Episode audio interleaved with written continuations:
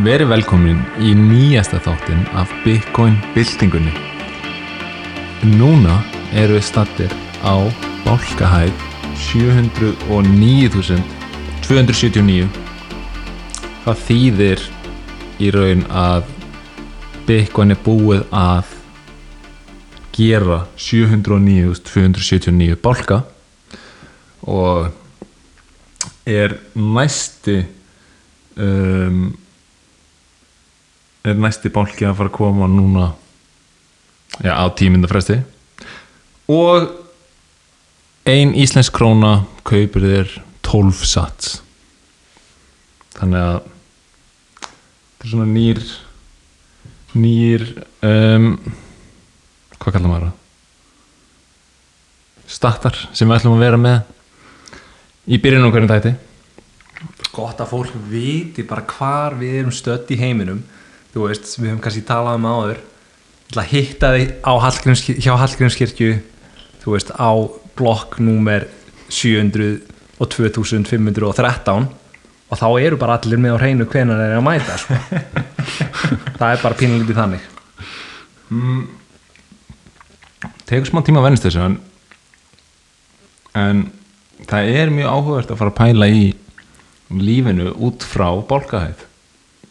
Mm, ég hef ekki sjálfur komist alveg upp á lagi með þó en hins vegar það sem er öðuldra er að reikna út hvað hlutir kosta í sats. Eins og í dag þá er ein íslensk króna 12 sats.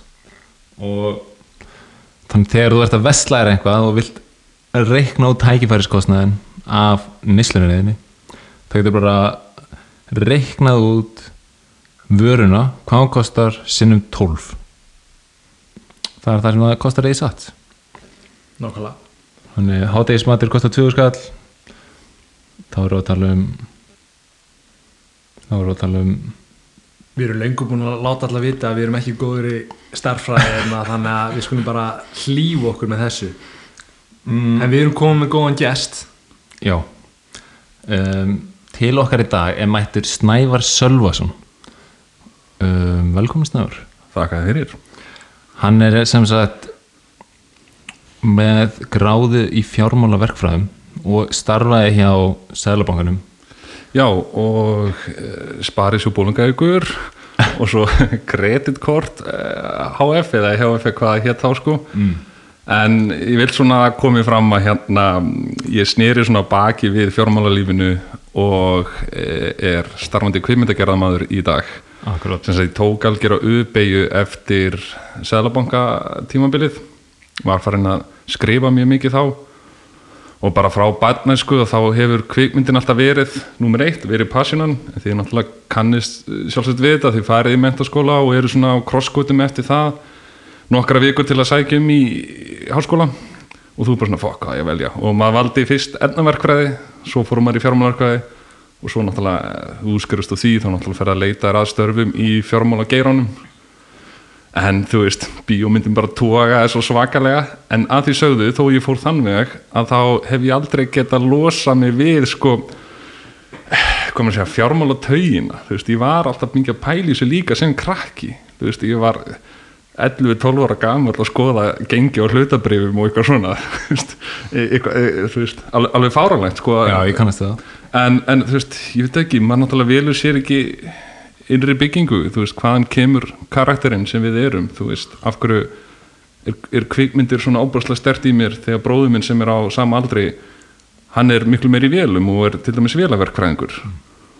Um, en, en já, ég held samt þetta tengist einhver leiti, það er einhver hugssjón, eitthvað visjón, þú veist uh, uppfinningar eins og í, á sviði verkfræði, að því maður læriði það nú fyrst stefnaverkfræði og svo fjármála uh, að sjá fyrir sér sögu og, og, og kvikmyndagerð. Kvikmyndagerð er rosalega mikið tech. Og ég meina sjáu bara James Cameron. Þú veist, hann sér fyrir sér þú veist þessa heima, Avatar og allt þetta en síðan eður hann líka miklu tíma á hafsbótni að skoða Titanic og eitthvað svona. Og þegar var ólíuslýsi í hérna hvað, Mexikoflóa, það var leita til James Cameron ráða. Ekki það að það verið kannski leita til mín í framtíðinni varðandi ég veit ekki, Bitcoin eða eitthvað en þú veist, ég held að kveimyndagerð uh, svona leikstjóra statusin, ef þú finnur í blóðinu að þú ert þar að þá ertu að einhverju leiti svona visionary. Þú veist, þú, þú, þú sér hluti. Ég veit ekki, setja mig á háan hest eða, eða tala með yfirlæti en já, þannig að ég hef aldrei getað losa mig við fjármála genið sem ég greinilega var alltaf með frá byrjun sko Já, áhugavert, hérna, hvernig tengjur þið svona, hvernig gagnast þér svona fortíðin úr fjármála umkörunu í listsköpun þinni í dag? Er eitthvað svona sem þú getur nefnt sérstaklega? Nei, rauninni sko sö- sagnagerð er náttúrulega bara að fara inn í hjarta á þér, þú veist, frá hverju hef ég að segja á þessu mómenti sem ég er að stinga blað á penna um, maður getur byrjað á sögum uh, á ýmsum endum, veist lang, langar mér að gera sæfamynd eða langar mér að gera veist, það byrja kannski fyrst með sjánra og svo heimur, veist. Mér langar að gera hróllvekju en mér langar ekki að gera Demon Inside eins og Exorcist eða Conjuring eða eitthvað svona. Mér langar ekki að gera þú veist, Monster Horror eins og Crawl eða Jaws eða eitthvað stíkt langar kannski að gera slasser og þá er það eitthvað kannski eins og Freddy Krueger og Friday the 13th og Halloween og svona en mér langar að setja mitt spinn á slasser og fattur þau, þannig að þú veist, þú bara vinnu þig áfram, þú getur byrjað þar. En ég veit ekki hvort að það tingist eitthvað svona fjármála áhuganum sko. En enga síður samt sem áður að bíómyndin er það listform sem er svona mest í einni sæng með kapital kapitali ég meina það kostar 200 miljónir dollara að gera eina svona Avengers mynd sko. Einmitt. eða meira sko. Uh, þannig að kvikmyndagerðamenn þegar þeir byrja þeir byrja yfirleitt á að gera sína indie mynd eða stuppmynd eða eitthvað svo leiðis og þá þarf þú að spá ykkur einustu krónu. Þú veist hvar nægi pening, hvar nægi niður kostnaði og þú veist eins og þegar maður var að gera sína fyrstu mynda þá bara skaut maður náttúrulega í bólungauk staður sem ég var að kannast við við erum náttúrulega báðir þaðan. Og hérna og þá náttúrulega þú veist talaði með kvöffilaði, náði niður verðið þar þú veist, fá við mat ógeibis eða með við fá svona afslátt og þannig að kannski gagnast það á þa- þann hátt. En maður er samt ekkert að spá í því sko þegar þú ert að því, þú ert bara einhvern veginn að reyna að dundra niður kostnaðinum sko. Einmitt. að því bíómynd er dýr að því að það er svo mikið af fólki sem vinnur við hana og þú þarft að borga fyrir tæki og aðfeng og svona. Þannig að sjáu bara kreditlistan í lok kvikmyndar. Allt þetta fólk sem rúlar upp skjáin þau fá öll laun. Þannig að þessin er þetta náttúrulega svo svakalega dýrt. Á meðan reythöfundurinn getur sess niður og skrifa skáldsögu. Er hún gefin út, er hún ekki gefin út? Ef hún er gefin út, þú veist, þá eru hans vandamál bara búin, en þú Já. ert búin að klára handrit þá fyrst byrja vandamálið þín. Einmitt.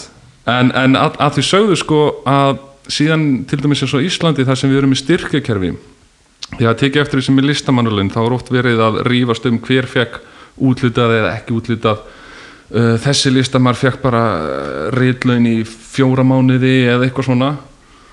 Og maður svona ah, maður fyrir að hugsa sko verður þetta alltaf svona mikið ströggl og þegar það kviknar á bitcoin-perunni hjá mér þá svona hyrðu ég get kannski einhvern veginn innleitt þetta inn í mín svona framtíðar áform sko. Algjörlega. Að því þú veist eins og kannski ég er búið að ræða oft í þessum þætti og síðan alltaf tilhengar grúpinu og fyrir alla þá sem þekkja Bitcoin er að þú veist ef þú konvertar þínu spari fyrir yfir í Bitcoin þá náttúrulega er það að vaksa á allt öðrum hraða heldur en nokkur annan gjaldmíl fyrir utan það að gjaldmílar í dag er ekkit að ágasta sig. Nei, og það er nefnilega með nýjustu verðbólgutölum þá er þetta bara lítið frekar klikka út sko. það voru komið í gær og þá voru að vera að tala um að CPI í bandaríunum verið 6,6% og vextir á, á 10 ára skuldabriðum ekki stærri kringum 1,5% mm þannig að þú ert í mí þannig að þú kaupir 10 ára bond þá ert í mínus. Já, þú ert í mínus. Og ég held að núna yfir 90% af skuldabriðum í heiminum eru með negatív uh, sem sagt raunvexti. Já. Já. það er náttúrulega bara fáranleg staða. Og þetta er náttúrulega það sem seilurinn er búin að vera að tala um. Akkurát, en, en einmitt bara til að koma inn á þeirna með kvikmyndigerðina að þetta er oft það sem að maður hefur svona sagt að þú veist hversu krúsjál sparifið er. Og að eiga sparnað upp á að, að, að þóra út í einhver svona, þú veist djörf verkefni eins og gera bíómyndi eða eitthvað. Það er bara heimin og haf. Og bara svona ímynda sér heiminn þar sem að allir hafa aðgang að þessu sparifjö þú veist, hvaða gefst um, svona mikil mikil tækifæri til að búa til alls konar sköpun Já, en ég bara, þú veist, bara pæli í þessu, þú veist, ef, ef við höldum okkur við kannski bara fíatkerfið, þú færð greitt fyrir eitthvað kveikmyndaverkani, hvort þú ert ljósamaður eða leikari eða eitthvað og segjum þú sért nægisamur og setur krónunurinn á bók, þú veist, þú færð þrjá miljónir greitt fyrir eh, tveggja mánaverkani eða eitthvað og setur það inn á bók en svo ertu með leigu og allt svo leis og það gæst alltaf af þessum sparnar stól en í Bitcoin eh, veröldinni þá jæst miklu hægar af því það vex á móti. Og það er rosalega svona spennandi framtíðarsýn. Um, já, ég, ég Sérðu fram á að sko að Bitcoin geti hjálpa þér og öðru listafólki til dæmis að hætta að hafa áhyggjur af einhvern svona árlegum styrkjum til þess að geta framleitt þér og listsköpun þinni. Já, þannig að þú, veist, þú mögulega getur einbyttir betur að það sem þú ert að gera. Hvern, já, já, ég meina bara klárlega. Ég meina, þú veist, ég hef ekki verið í miklu tekjum síðan ég yfirgaf fjármála umhverfið en það var ekki kannski miklu tekjum þá sem 20 og eitthvað ára gæin í útskrefaðar úr, úr verkfræði. Uh, en enga síður þá varstu þá með fast kaup og, og þú vissir hvað myndi gerast í september eða november eða janúar þú veist, þú ert bara með föst mánaðlaun í listum er þetta ekki raunveruleikin, þetta er alveg rosalega mikið hark, alveg saman hvort þú ert tónlistamæður eða myndlistamæður eða hvað. Og margir vilja einhvern veginn ekki yfirgefa listina sem sagt þeir vilja skapa og það sem þeir fá laun síðan fyrir með listinni, þeir vilja að það tengist listinni líka, þannig að ofti til dæmis eins og myndlistamenn sem er að vinna í sinni list og reyna að selja hana eða hvað, hvað nú er þeir reyna þá líka að kenna myndlist, þannig að þeir eru þá starfa við myndlist sem kennarar og fá þá greint sem kennarar sko. Um, ég sé fyrir mér þú veist, kannski minni áhyggjur varðandi innkomu í Bitcoin Universe af þeim ástæðum sem við erum búin að nefna. Að, að sem sagt ég meina hvað eru listamann að launa mánuði 400.000 kall ég meina þú ert búin að borga þína skatta og allt þetta þá er ekki mikið eftir. Þannig að þú, þú veist listamenn eru oft bara svona á nullinu endalust en í Bitcoin heimi þá ferðu miklu síður niður á nullið. Og, og þú ert líka örugla hvað maður að segja líklegri til þess að leggja meira til hliðar. Að ég veit ekki, því kannist bara við nú hugsun átt leiðum maður byrjar að stakka sats þá er eitthvað sem breytist. Algjörlega.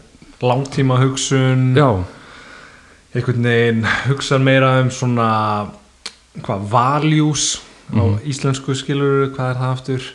Bara Gildi. gildi í raun og veru. Já, og síðan byrjar bara að spara. Einmitt. Á öllum öllum vettvingum í raun og veru sko. en hvenar, má ég bara spyrja einhver hvenar byrjuð þið fyrst að uh, stakka eða þú veist, ég meina kaupa, hvenar þið eitthvað fyrsta skamt um, ég, það var persónulega hjá mér 2017 mm. heyrði fyrsta Bitcoin 2013 Já, ég, ég er mjög svipaður. Ég keipti 2017, uh, 2012 is, heyri ég svona um þetta og það var svona chatforum, hvað hétt þetta aftur að nýta en hugi.is og allt þetta dót sko. já, já, Og kannski var það 2011, allan ég man að ég bjó í bólstaðlíð og var hérna uh, nýbúið með verkræðina, ég kláraði verkræðina 2010 og það á einhverju chatforum er, ein, þú veist það voru gaurar að auglýsa bitcoin til sölu og gaurar að óska eftir bitcoin og ég man að það var einhver að losa sig við bitcoin. Og ég man ekki á hvernig disk þetta var geimt þá, þú veist þá voru ekki með þess að ledger eða cold card eða hvað það heitir allt núna sko. Og ég man hérna ég var svona að spá, já ég ætti kannski að skella mér á þetta sko. Og þetta var einhverju þúsundi bitcoin fyrir nokkra þúsund kalla. Wow. já, en ég meina you buy the bitcoin at the price you deserve eins og við segjum oft sko. Einmitt.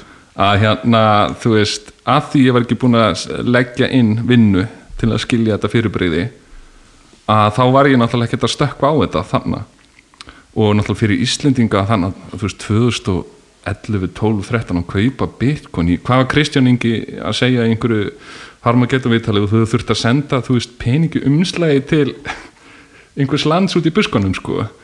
Ég meina þú veist, það var, var ekkit ef þú varst ekki að mæna að kaupa bitcoin ef þú varst að uppgöta þetta 2012, 13 það var ekkit auðveld sko. Nei. og eins og 2014 það er, þá fæ ég fyrst að svona ljósaperu augnablikið. Þá er ég upp í sófa og bjóð ég á Greinimil 9 og þetta er hausti 2014 og já, ég, ég, ég skal bara droppa þessu það er maður á ekki að skamma sín fyrir þetta lengur. Ég var að koma niður af sveppatrippi. Og eins og þið þekki þá hérna er ákveðna tengingar sem eiga sér stað. Hugsunin verður alveg undarlega djúb og víðsýn á þessu silosípin fyrirbæri sem er virkaernið í sveppum. Allavega ég leik hann upp í sófa og ég komið svona niður og jú, mjög næs og, og mögnuð upplifun mitt fyrsta skipti. Og er, leiðist eitthvað út í það að vera eitthvað svona þú ferði einhvern veginn að sjá heiminn svona allan í heild, þú veist, mannfólki að vinna saman og þú veist þú skilur hvað hippanir voru að meina með we're all one og það er bara ást og eitthvað svona. En, þú, en þegar þú heyrður um það sem úlingur í hippamyndum þá skildur ekki hvað er áttu við. En þegar þú ert búin að prófa þá skilur þú hvað það er og það verður einhver svona glóbal bræðralags sín sem þú sér fyrir og fjármálakerfið náttúrulega stuðlar að svo miklum hvað maður að segja, misskiptingu eins og það er í dag. Já, já, miskiptingu og bara svona separation af, af öllum þessum þjóðurnum mm og sko eins og til dæmis ég er á hvað, öðru eða þriðja árið þegar bankanir falla haustið 2008 Byrju, ég er fyrst árið 2006, já, ég er á þriðja ári þegar fjármálarrinnið á Íslandi verður.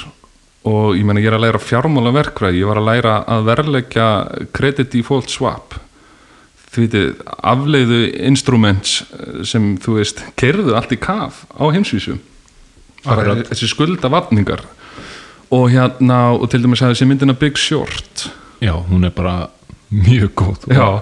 algjört must watch. Þú veist, hún er mjög viðandi fyrir Bitcoin í dag. Já, algjörlega. Og sko fyrir þá sem þekki ekki Big Short þá er þetta mynd með Steve Carell og Ryan Gosling og, og Christian Bale er hann að gæinn sem veðjaði á fall húsnæðismarkaðins Emmett, hann er þekkti fyrir að hafa held hann hafi shortað Bitcoin bara nýlega. Aha.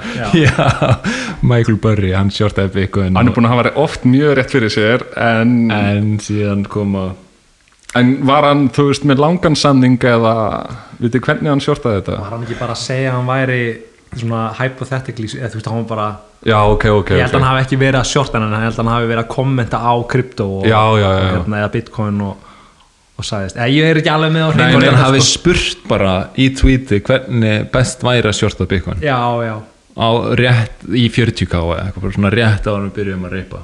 Já, já, já.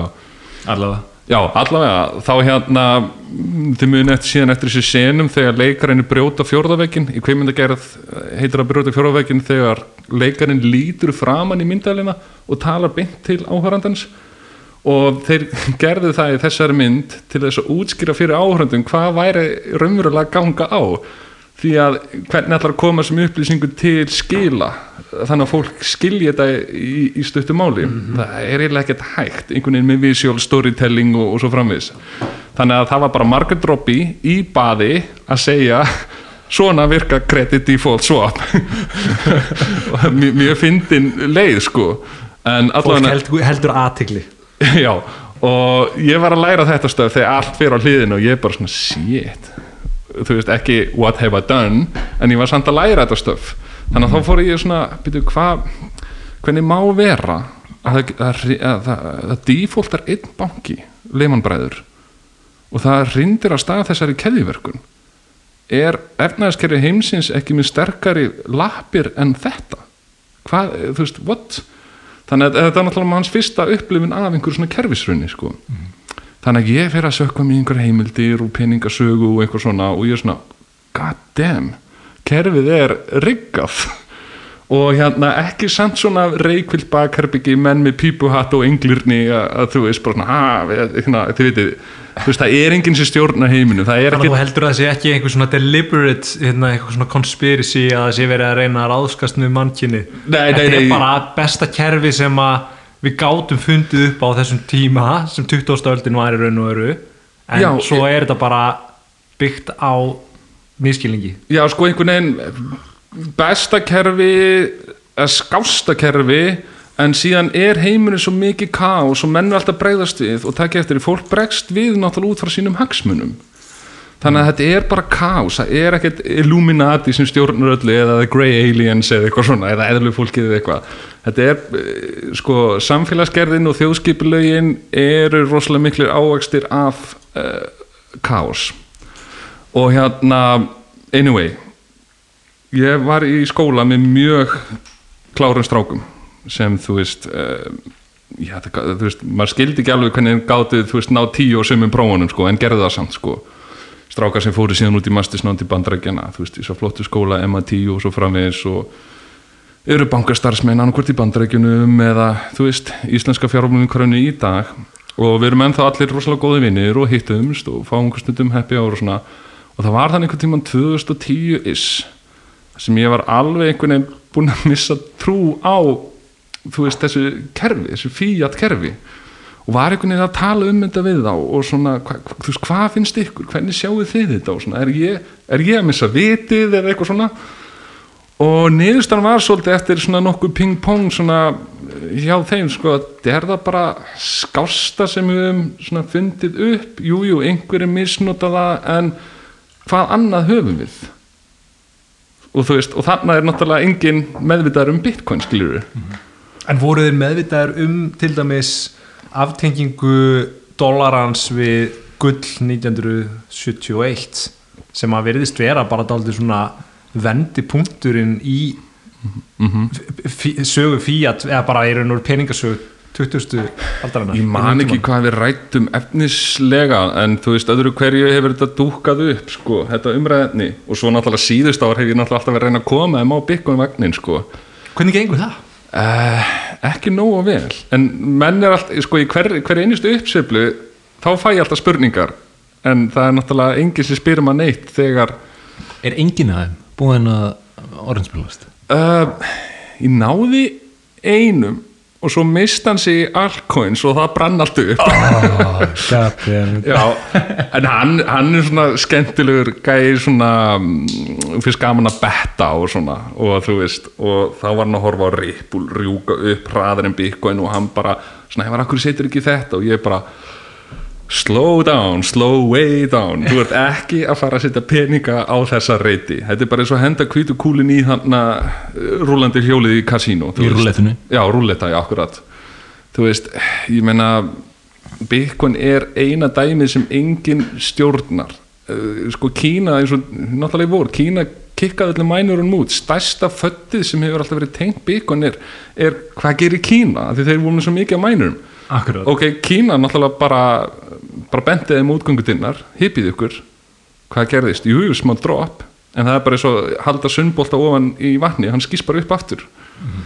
Þannig að það, það gekk ekki nógu vel. En varðandi sko ég mikið pælt í þessu að oranspilla mjög klára einstaklinga. Það er ekki hlaupið að því og ég fór að pæla af hverju er það. Og hérna menn sem voru með betri engunir en ég til dæmis, jú það er til síðan alveg súperklári gauðra sem er á Bitcoin vagninu, náttúrulega bara eins og Jack Dorsey eða, eða Sailorinn eða þú veist, náttúrulega Musk kaupir Bitcoin fyrir 1,5 miljard dollara, þannig að náttúrulega Það er ekkert smá kaup.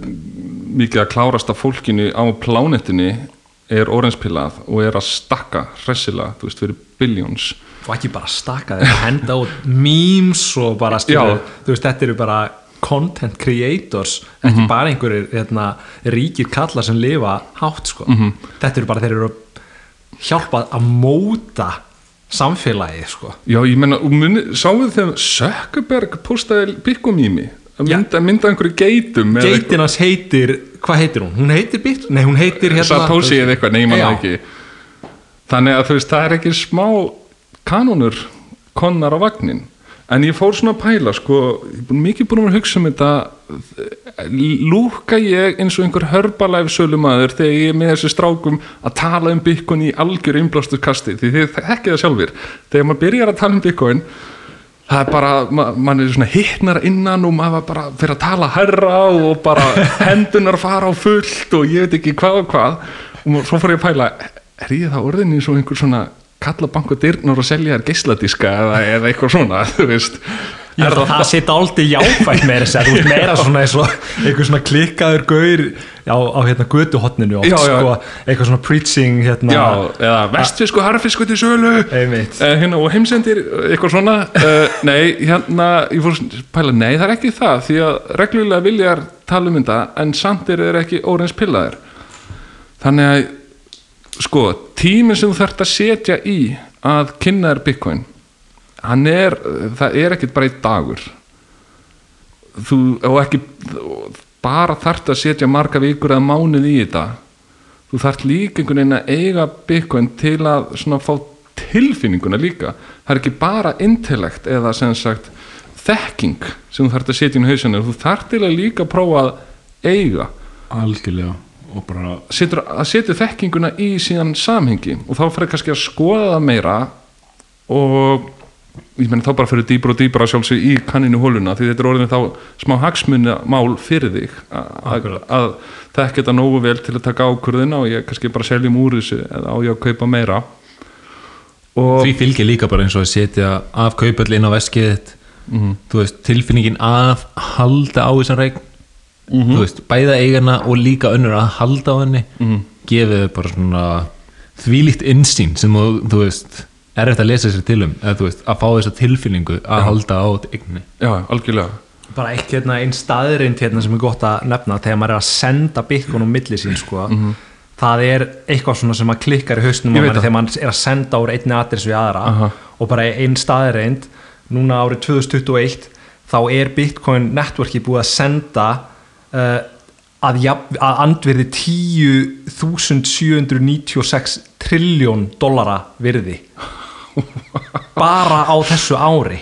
Wow. þannig að sko á tíu triljónir Eh, tíu, þetta er annarkvort tíu, það, þetta er eitthvað tweet sem er að lesa hérna, reynda frá mjög áraðanlegum sorsi, þetta er annarkvort þetta geti verið tíu, þetta er tíu punktur 796, ég myndi halda að það verið tíu þúsund 709, allan við erum ekki að fara að diskussera það Mér finnst það stór tala 10.000 millar Dylan Leclerc, hann er orðin hérna, hann er einn á aðal hérna, on-chain analysis gaurunum sko. Já, Dylan er mjög góður sko. Já, allavega hana við erum að tala um himinháar upphæðir sem er verið að senda án þess að þriði aðli kemur inn á milli og millifæslunar eru sendar með fís upp á sko nokkra dollara virði kannski þegar þú ert með svona risa stórar upphæðir. Já, já. og þú getur verið að senda frá Íslandi til Tókjó Mhm. og það tekur þig tíu mínútur að fá uh, færsluna í gegn og svo þarf þetta að býða kannski 10-20 mínútur viðbútt til að fá nógu marga staðfestingar á að færslan sé alveg örgulega komin í gegn. Ég held því líkur hérna þetta er bara svo uh, mikil einföldun. Já, ég held beimið þegar þeir sem er að senda stóra fjárhæðir prófa þetta þeir munu segja bara Guð minn góður en eh, að svo stöddu þá er náttúrulega meiri hlutin sem er að nýta sér networkið er náttúrulega að senda eh, þú veist, í, í samanbyrðið við þetta þúsundkallar sko. Þú veist, við erum miklu meira já, að senda, senda klink eins og sagt er, en, en ég held að leið og svona, stóra eðalar fara að senda sem, sem er á við hundruð miljónir dollara og það þarf ekki að virka rosalega mikið af fólki eða, eða þú veist býða í langan tíma og það getur bara gerst þrjú um nóttina á sunnudegi eða eitthvað. Já, það það er alveg stór ljósapera sem mun þá kveikna hjá svona stórkapitalum sko. Einmitt það er hérna 365 daga ársins 24 klukkutíma á dag að, þetta er bara allan ársessing alltaf opið, búið að vera í gangi síðan 2009 og ef þú miðar að við bara hérna svona önnur fjármála tól, þú veist bara að viðskiptu við hlu, um, á hlutabrifum til dæmis sem eru bara mánudag til föstudag frá 8 til 5 á daginn eða eitthvað álíka. Viðskiptin á Bitcoin networkinu hafa sagt verið þá jafn lengi bara í klukkutímum skiluru tímalega séð og held ég frá árið 1975 ef ég manni rétt. Þú veist þetta nær það langt aftur þannig er að sko bara sagan og hérna í raun og veru uh, testið bara sko að vera með svona langt run af kerfi sem að hefur uptime upp á 99,99% hérna, þannig að kerfið hefur alltaf verið í gangi í 99,9% af já. tímanum skilur já, já. og þetta, þetta virkar alltaf. Já, það virkar alltaf. Ég held að fólk gerir sér ekki alveg grein fyrir hvernig þú veist eins og bara millibankakerfi á Íslandi hversu slöpt það geta verið. Þau eru ekki með nálægt í 99% uptime það koma oft bara dagar þar sem að eru bara vesen og ekki hægt að millifæra. Já, bara í síðustu viku hjá einu ónefndum íslenskum bankar sko. Já. Já, bara allt í vesenni og ég get ekki gert það sem ég þurfti að gera og svo framvegis. Þa, þannig að þú veist það er ekki óalgengt en, en bitcoin-kerfið það er bara óhaggað. Það bara hefur ekki stoppað og það er ekki, þú veist, sýnir engin sæns um að fara að stoppa En mér langar að spyrja ykkur sko að við erum náttúrulega í að breyða út fagnaðarægrindi svo við getum. Hvernig hefur ykkur gengið að tala við vini og vandamenn og hvernig nálgistu þau? Og kannski líka munur á típum? Munið ekki eftir hérna grafinu, sem svo normal dreifðu falli, það sem þú verðt með hættupausugur lengst til hægri sem er þá jaðarinn á IQ-inu upp á við og svo ertu með einhvern svona froskakall lengst til vinstri og svo í miðjunu er maður að kreista á sér hausinn sem er þá svona náttúrulega miðgildi í intellekt mannkynsins á henni normal dreifða falli sko Þetta er ábyggilega eitt besta mím Já, ég veit sem það, að ég leiti svo um ógislega sko. sko. hvernig, þú veist, hvernig hafið þið nálgast þetta og sjáðu mun á típum og, og þú veist Já, ég sko persónulega þá byrja, ég, búin, ég hef persónulega verið daldið svona áður en ég byrjaði með þetta podcast þá var ég bara daldið bara svona í mínum eigin heimi að rannsaka bitcoin bara í kjallara basically, bara með hættupeysu á mér og var ekkert að tala mikið við fólk um þetta, þetta var bara svona mitt mitt rannsóknar efni pínulítið. Já, ég líka fór alltaf bara til Ívas á hans vinnustaf og fengum okkur kaffi að því hann var eini sem ég ekki að tala við þetta um þetta, e, e, svona, jú, kannski Ævar kom líka stundum en þetta var svona eins og eins og eiga þinn eigin drikkjufélaga eða eitthvað. Veist, það gæti ekki annar létt af sér og hvað er þú að spá er þetta stakka mikið núna, hvernig gengur þér og eitthvað svona sko.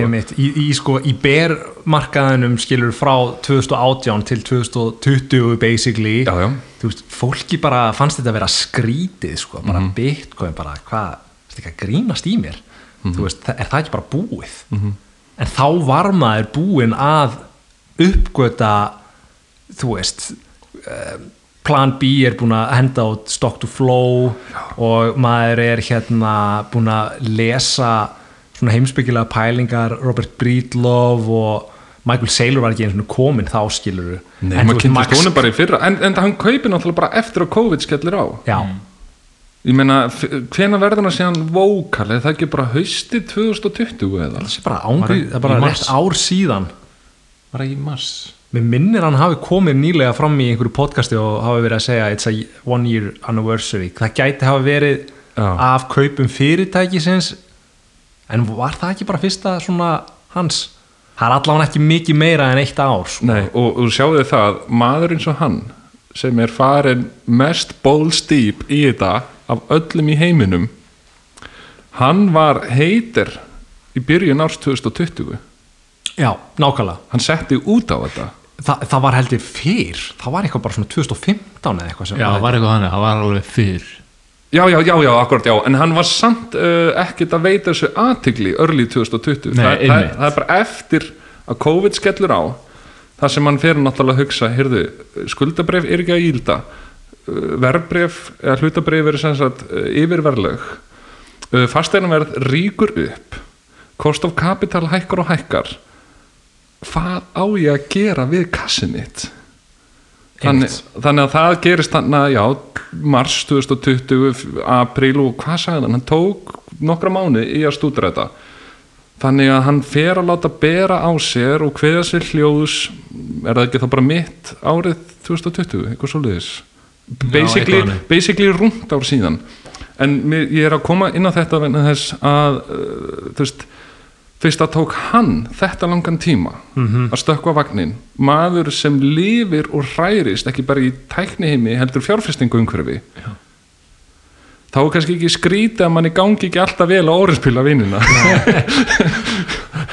Nei, mitt bara svona til að svara spurningur einmitt, Já. sko, þú veist, það, maður tók alveg svona pínlítið þegar, þegar verðið var í kringum 10.000 uh, fyrir svona rúmu ári síðan þá fór ég að ve- vera bara mjög, mjög örugur um það að verðið ætti eftir að keirast núna mjög líklega upp á næstunni. Og fór í vinu og vandamenn og tók basically bara daldið svona herði, ok, ég er einna með smá upplýsingar og ég mæli með þessu og ef þú vilt tala við mig um þetta skiluru, þá er ég til staðar. En ef ekki, þá bara allir lagi, ég nenni ekki að vera að bögga þig endalust með þessu skiluru Nei. og svo voru bara sumir sem að vildu fá að heyra meira. Og maður tók samtali við þá aðeila og þá datt maður í sko 20 mínúta samtal. Eða eintal í raun og veru það sem maður Já, var já. bara að bulla sko.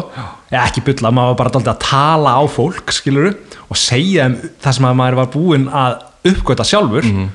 og ég held að bara mér, mér fannst að í kannski svona 90% tilfella þegar ég tók þetta samtal við fólk þá, þá fór það á kefti sko. Já, e- einræðan í síma er eitthvað sem hefur komið fyrir mig líka. Og það er svo að finna að bara sjá munstrin þetta er svona svipa hjá öllum.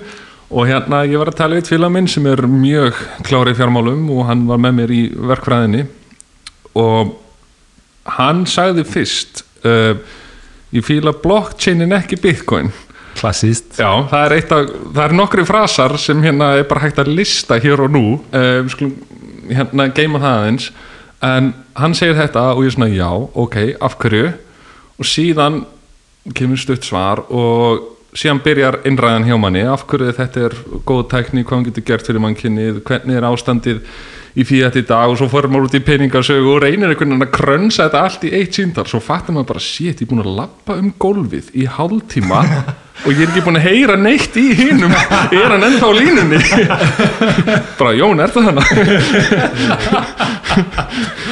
Vá, þetta fyrir mig en þetta er svo fyndið sko hvernig það er svo einhver, einhver, einhver box Pandoru box hefur verið opnað í sálinni sko Algjörlega. Og þú veist, maður hefur ekki fengið neitt svona á heilan sem er eh, svona external. Þar að segja, eins og verið að benda á áðan að kvimdagerðin er einhvern veginn bara í blóðinu, vissilega uh, þarf það að sjá bíómynd til að eh, hugsa, wow, ég elska þetta og mjög langar að gera þetta. En það er einhvern veginn, þú veist það var einhvern veginn svo rétt að gera þetta. Því þið fannst bara this is it. En, en Bitcoin er svona kannski eina dæmi sem ég fengi svona á heilan sem ég er ekki að gera fattur þetta er ekki vinna mín, þetta er ekki sko, mm, ég er ekki forreitari eða, eða uh, útbúa Bitcoin tengdar lausnir eða eitthvað slíkt. Svona Jack Moles típa sko. En þetta er bara eitthvað svo þið bara þekkið þetta, þetta er bara áhugamál sem bara ekki held tekur mann, kannski Ívar smá Nei, held tekur mig líka algjörlega, tekur mig, sko. En það er náttúrulega, sko, ég fór að pæla um daginn, ok, hvað er það við þetta? Þetta er ekki bara það að þetta getur vaksið og maður sjálfur eitthvað eina spyrir, nei, þú veist, maður getur alveg selt kókain að maður græða mikið pening. Þetta er, sa, sko, samilegir hagsmunir alls mannkynsins.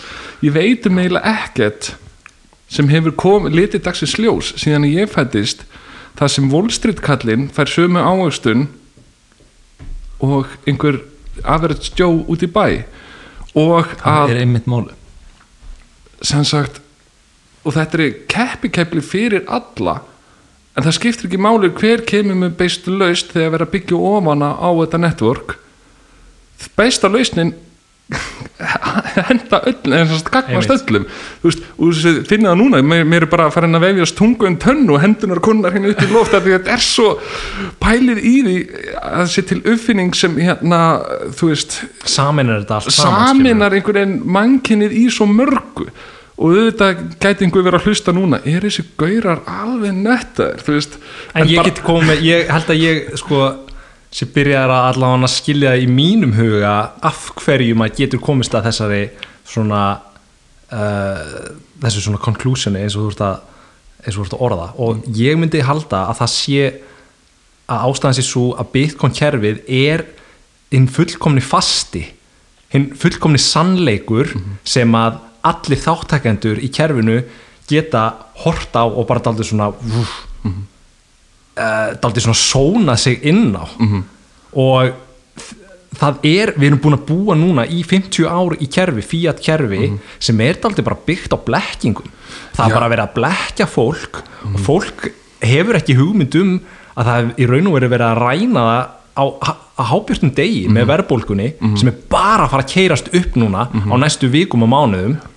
Og Bitcoin er þessi fasti, þessi sannleikur sem að mannkynnið þú veist, við erum bara lífverður búinir til á náttúrunar hendi. Við þurfum þennan fasta, við þurfum að leita í þennan kjarna þennan sannleika.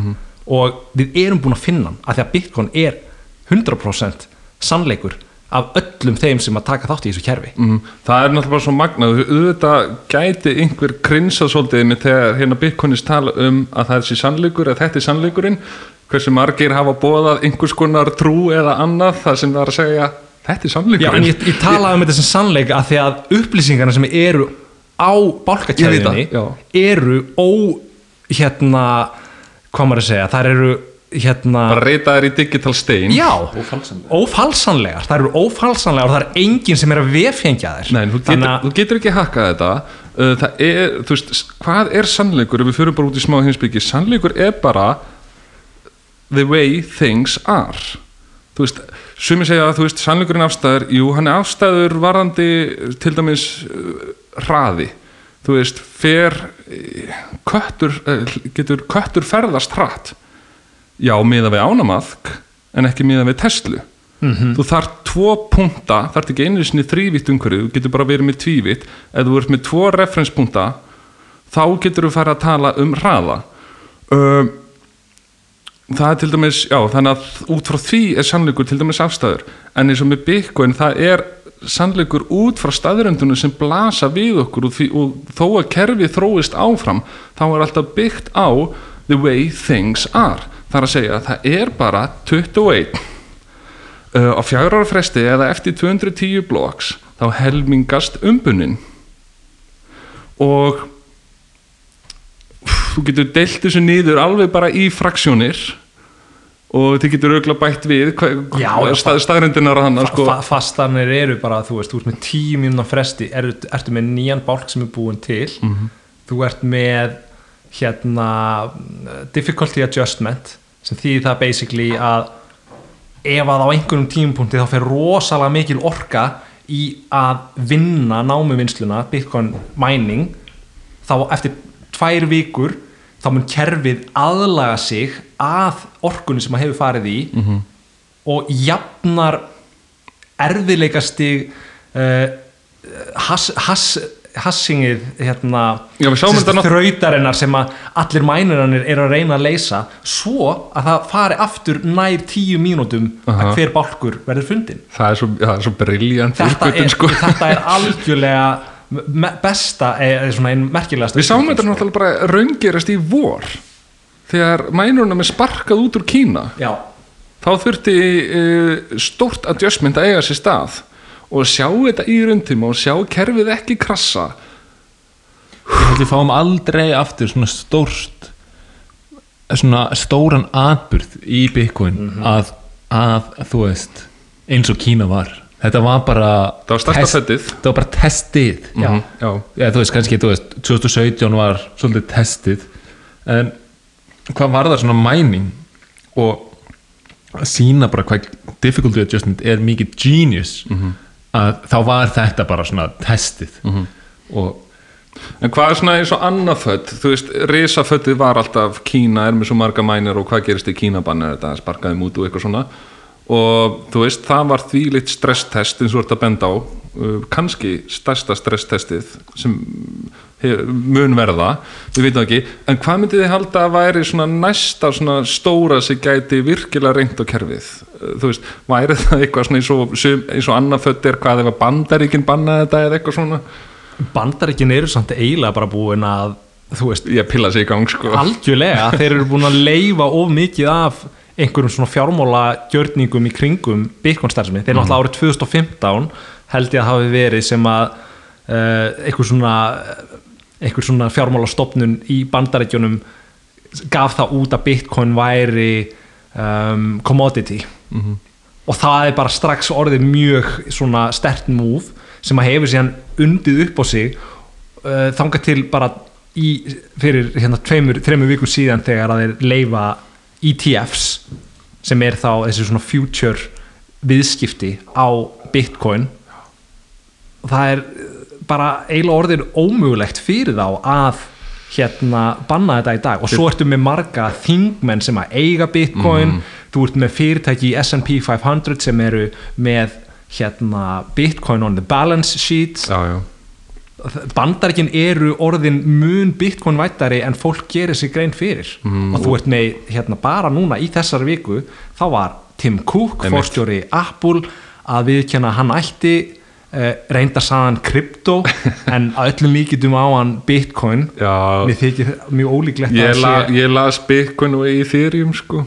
Já, En öruglega er hans portfóljó í, í þessu mengi meiri hluti Bitcoin sko. Einmitt hann er svona byrjunastíðunum greinlega í því átt sig á sig því að hann er klárlega ekki orðinspilaður mm -hmm. og að hver sem segist vera í Bitcoin og í þýrjum er það ekki emo? Við höfum öll farið í gegnum alkvæmnis tímabilið og ég sem sagt, eftir að maður var búin að eiga BitShares og iOS og allt þetta dót sko. Hann að uh, blessu sér minning 2017 tímabilsins. Að uh, inn í 2018 er ég ennþá mjög spenntur í þýrjum aður en síðan held ég bara 2019 þá bara go full on orange sko. Ég man ekki hvort að það hvort maður var að byrja að lesa í, Lastu Bitcoin standardin? já, Já, hvernig var það eftir hann? það var náttúrulega ennþá meiri sannfæring sko. En þú varst alveg orðin orðinspilaður fyrir hann eða? Já, sko, ég held að við erum oft búin að nefna seilurinn í þessu en það var eiginlega þegar hann fyrir að kveða sér hljóðs að þá svona einhvern veginn er ég orðin svo svakalega samfæriður þú veist, maður, þess að segja, maður, maður holl, hollaði alveg í gegnum þú veist, úr 20k og niður í 3k því ég meina, því minnum hvernig þetta var þú veist, janúar, februar 2019 þá, þá fyrir 2018 var ekki? Nei, 90, jú, átján kemur dífa en þú veist, síðan nær, nær uh, gengið aftur játnum sínum, ég man ekki hvort það var mitt árið 2018 eitthvað slíkt, en það var þannig þegar fyrir að líða 2018 og svo byrjun 2019, ég man í februar 2019, þá þá var ég að setja alla minn pening í eina bíómynd sem ég verið að gera. Sem sagt, ég sem sagt, so far bara verið að gera myndir sem ég fjármagna sjálfur. Og þannig að allur peningur sem ég vann inn fór í þá kveikmynd en það var svo freistandi að vera að stakka þegar eitt bitcoin kostaði 300 skall að því hann, hann gerði það þannig að já, februar 2018 nei 19 segja þá var það mjög lágt sko. Og ég meina en þú veist sannfæringin fór aldrei. Og þú veist menn voru að segja nú er þetta bara búið að krassa og nú fer þetta niður í þúsund og eitthvað svona. Ég bara fínt eða fyrir í þúsund djöfull ætla ég að stakka. Þá tek ég bara yfirdrátt fyrir miljón og kaupi tíu bitcoina. Einmitt. Að því þú veist á einhverju tímapunkti þá verður ljósaperan þú, maður upplifir nokkur ljósaperu moment að því þetta, þetta er svo marglaga. Það er bara, ha nei, já virkar þetta svona? Oh my god, þá er þetta unstoppable force. Akkurat. Og svo ykkur er eitthvað annað what, nei, nú er þetta bara orðið bara tsunami sem bara tekur allt með sér, eða þið vitið. Og svo heldur áfram, nei, heyrðu. Það er eins og mýmið hana, að þú byrjar með lítinn heila og veist Já. ekki hvað byggun er og Já. síðan eikst heilatengislinn og síðan aukaðstu og síðan ertu bara orðin partur af alheiminum. Og þú skilur bara að byggun er algjörlega óhjákvæmilegt Þú fyrirbreyði sem er breyta öllu í heiminum. Já, þú skilur það þannig eh, ef maður á að hraðsjóða þetta niður að það er ekkert að fara að stoppa það þú veist, það er búið að hleypa andanum úr flöskunni eins og með internetið. Skiptir einhver málu þetta að Kína hefði bannað internetnótkunna árið 97 eða eitthvað. Þannig er komin tækni sem er á réttum tíma í sögunni til að líta dagsins ljós. Og það er ekkert sem stoppar það. Að því ef að þú sem sagt ef það er stoppað einhverjum einu stað einhver, einhver forðarsikli völd þá bara leifa aðrir það. Eða þú veist fattar. Tæk, tækni sem bara. tíminn er komin á hún finnur sinn farveg og þegar maður sér það eins og með Bitcoin þá þú veist verður maður náttúrulega bara hvað maður að segja, maður fellur í öngvill líkuð sko. Að þú veist eins og vikingu benti á í, í, var það ekki í hópspjallinu á Telegram? Þetta var svo góð lína hjá honum með hérna að sko aflið í endanleika er svo mikið. Hvað getur við keift sem hefur vissan endanleika ég veit það ekki ég meina að þú getur reyð, þú getur gull, jú, það er erfitt að vinna er til takmörku magni, jú, það er ekki að falsaða og eitthvað svona, en það er ekki endalegi það er 2%, 2% hérna inflation á Já. ári að meðaltali mm þannig að eini í raun og veru eina fasta Já. Eignin sem þú getur keiftir í raun og veru fyrir utan bara Mona Lisa skilur Já, með, það er náttúrulega algjör ég, ég var akkurat að hugsa um hana sko. Já. það er vissulega endanleiki en þú getur ekki nýtt hana í trading nei, einmitt. veist, hún gagnast okkur ekkert sama hversu mikið skars hún verð, veist, hún er náttúrulega all, hún er bara orðin fasti hún getur ekki verið notað sem peningur Nei, nei. af því að það er ekki hægt að deila henni niður á Mhm. bitcoin er hægt að deila niður á mannkynnið mm og ég veit um ekkert og margir náttúrulega bara bent á það stærri spáminn er ég. Það er ekkert sem hefur þessi eiginleika. Og aflið í því er ég held að bara mannshugsnir ná ekki alveg utan um það. Og mér langar að taka bara dæmi um sko oft hvað, þegar eitthvað er komið í praxis þá verður það svona obvious. Bara hvað, hvað var fólki ekki löngu búin að átta sig á þessu eða eitthvað svoleiðis að hérna, mér langar að taka svona dæmi sem tengist okkur íslendingum eða tengist, það er bara eru við íslendingar varandi sko svona hugsun fyrir og eftir að í þúsund ár reru íslendingar til fiskjar á opnum árabátum. Og, og lengi vel var þetta sexaringar með sex menn að róa og þú ert með eitt stýrimann. Og til dæmis Bólungavík, þar sem ég, ég var um frá þetta er svona þetta er elsta verstöð Íslands og jafnvel Bólungavík er getið í landnámið. Þegar þau eru syndafulli nefnum þar land. Það voru þar sjóminn fyrir og við vitum ekkert hverju það eru Íslendingar. Að því þegar þú veist, þú ert að lesa landnámið þú veist, hvort sem er Ingól Arnússon eða aðri landnámsmenn, þá komar alltaf tómi landi. Einmitt. En í Bólungavík voru sjóminni þar fyrir og, það, og hún gerir díl við það og ég fæ söðfið hjá ykkur þú veist, en ég vantaði mat eftir langa siglingu og ég skal benda ykkur á hvað þið geti veitt meiri fisk. Hún sem sagt, hún var öruglega larpi frá norður Noregi og bara þekkti sjávaströymana og svona, þannig að þú veist, hún gerði díl við þá. Allan að þetta þetta var svona hliðarsaga. Og við vitum ekkert hverju þetta voru. Ef að norski vikingar numið hér land fyrir þúsund hverju voru þá fyrir að veiða fisk í Bólungavík Já, anyway uh, Íslendingar í þúsund ár minnstakosti að því við vitum síðan ekkert um þessa góra uh, sem voru hana fyrir. Þannig að þeir hafa geta verið hann í 500 ára eða þúsund í viðbútt en allan að í þúsund ár frá landnámi til árið 1900 voru við að róa til fiskjar og opnum árabótum uh, árið 1902 fær maður á Ísafyrði Árni Gíslason þá flug í höfiðið að setja mótor í sexæring. Og menn bara ha, til hvers? Ég ha bara, þú veist minna álag og komast á miðinn og, og, og allt þetta. Og það náðu sengin fólk var ekkert vittlust þá. Ég meina sjáu bara bókmyndina sem vorum að gefa út eða aðsendar greinar í dagblöðunum hvað menn voru að takast á um og svona, þú veist, þið mannlega ástand og þið mannlega intellekt er einhvern veginn alltaf það sama, þið lýsið Aristoteles uh, bókina til dæmis um skáldskapalistina sem er, og Aristoteles er uppið 300 fyrir Krist þetta, þetta gæti alveg fyrir gæði sem er að drakka kaffi með á kaffi vest þú veist mannlega intellekt og ástand breytist einhvern veginn aldrei. En uh, og já, og að þessum tíma uh, 1902, þá voru vestfyrringar eitthvað ekkert vittlusur ennir í dag. En þeir skildu ekki okkur árni vildi setja mótor í sexhæringin og hann fær enga með sér í lið því þetta var ekki til á landinu og það er þetta panta þetta frá Danmörku hann fær kaupmannin á eirinni með sér í lið sem var að með minni danskur og hann fær þá hlut í þessum áformum hans að því hann þurfti, þú veist, að váltsa gaurinn og svona.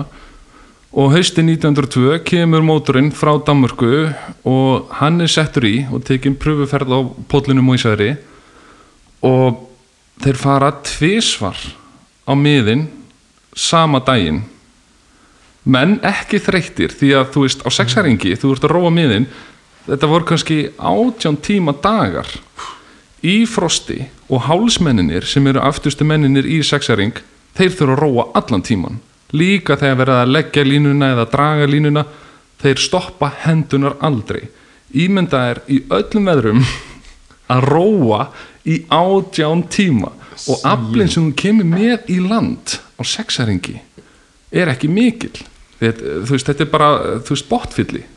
Praktikli nokkri þoskar uh, í dag fer þú veist trillukall með 300 lítra kar á sjó og fyllir það og það er miklu meira en þessi kallar voru að fiska. Gamall áttræði gæi á strandveðum á sumrin og hann næri miklu meiri fisk en allir þessi menn gerðu. Akkurat magnað. Já, og hérna sína okkur bara svona einmitt hvað tæknin er Það er sparað okkur Já, mikið það er erfitt að einhvern veginn hugsa þetta og síðan þegar átni fer tvisvar á miðin sama daginn ekki með sama mannabla engin þreyttur fiskar þá tvöfalt meira og er stittra úti. Menn mistu hökun í gólfið. 1903 er báturinn gerður út frá Bólungaeg og hétt á Stanley og er titlaði sem fyrsti vélbátur Íslandsögunar 1906 er árabáta útgerð á Íslandi með öllu búin. Í þúsund ár reyru við til fiskjar með árum. Á þremur árum vélvætustu við. Shit. En einn maður fekk þess að flugu í hissinn þannig að þú veist uh, að tala um eitthvað svona eins og bitcoin sem mun breyta öllu það er svo erfitt ef þú ert ekki búinn að vera að setja þig inn í það. Og mér langar að taka annað dæmi að því það þarf að vera vandamál til þess að þið er langi að finna einhverja lausn. Til dæmis eins og uh, við erum sammála um það og öll heimsbyðin og allir vísindamenn að hlutfall kólefnis í andrúsloftinu er mjög hátt.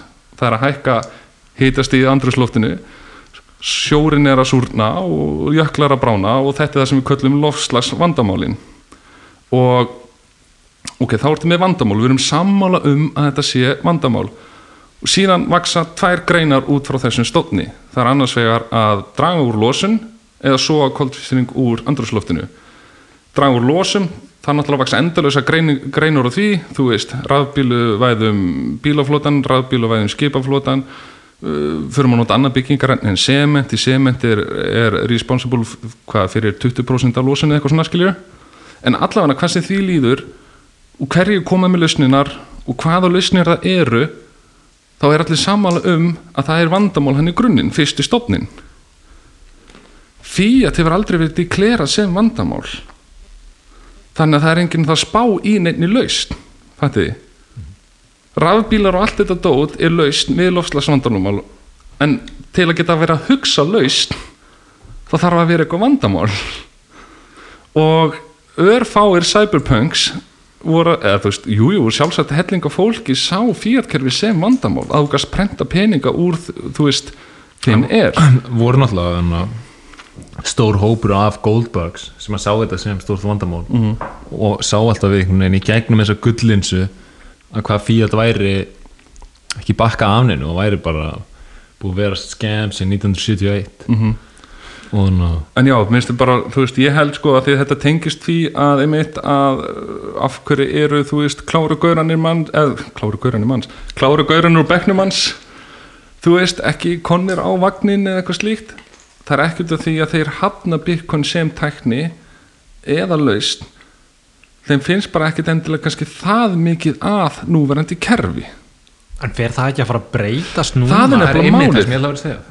verðbólgu skoti sem er að koma núna og ég meina, þú veist, ok, hvað, byr, hvað tölu voru byrtar að gera, 6, eitthvað prósent í bandaríkunum 6,6 frá oktober til oktober en aftur á móti ef þú tekur inn aðra þætti sem venjulega ekki teknaði inn í þessu útreikninga þá er raunverðbólgan samt eiginlega 15% Það er einmitt það og það er einmitt það sem Stefán hefur verið að rögra mjög mikið við til dæmis Ólaf Margirs hjá Sælabankanum er þessi hugmynd að taka fastegnaverð út úr vísutölu uh, nesluvers og sem er gjörsamlega fálulegt og ef, og það, það var notað fyrir 1980 og þannig og núna nýlega bara sem þrein dögum eða eitthvað þá Jack Dorsey sem er CEO hjá Twitter hann er að tala um þetta að þegar kom, þetta kom út bara verðbólga eða hvort það hafi verið í gær verðbólga 6,6% þá sagði hann, já, en pröfa að mæla það með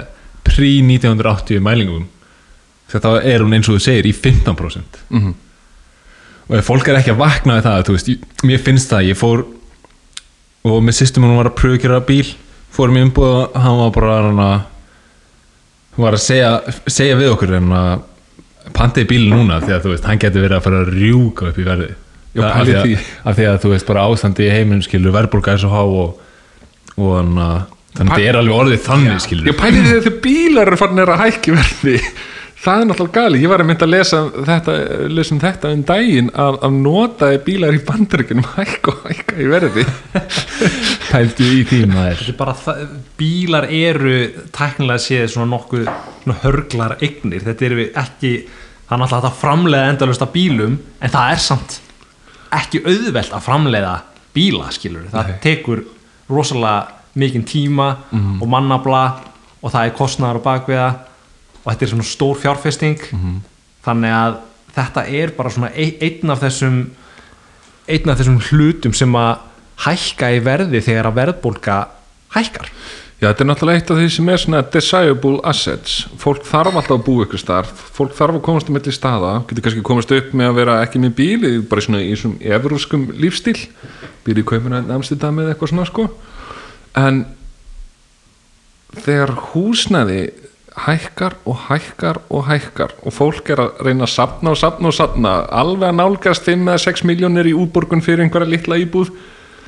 En svo allt innum bara hækkar fasteinaverð á einu ári hérna á Íslandi um 16% þannig að 50 miljón króna íbúðin er komin í næstu upp í 60, nei, 60 miljónir þá þurftu enn fleiri miljónir í útborgunina þannig að þú ert að elda einhverja lest sem er bara að gefa í og þú nærðin ekkert á þínum hraða Já, það er algjörlega, er líka bara algjörlega vonlust fyrir ungt fólk að taka þátt í þessum leik lengur sko.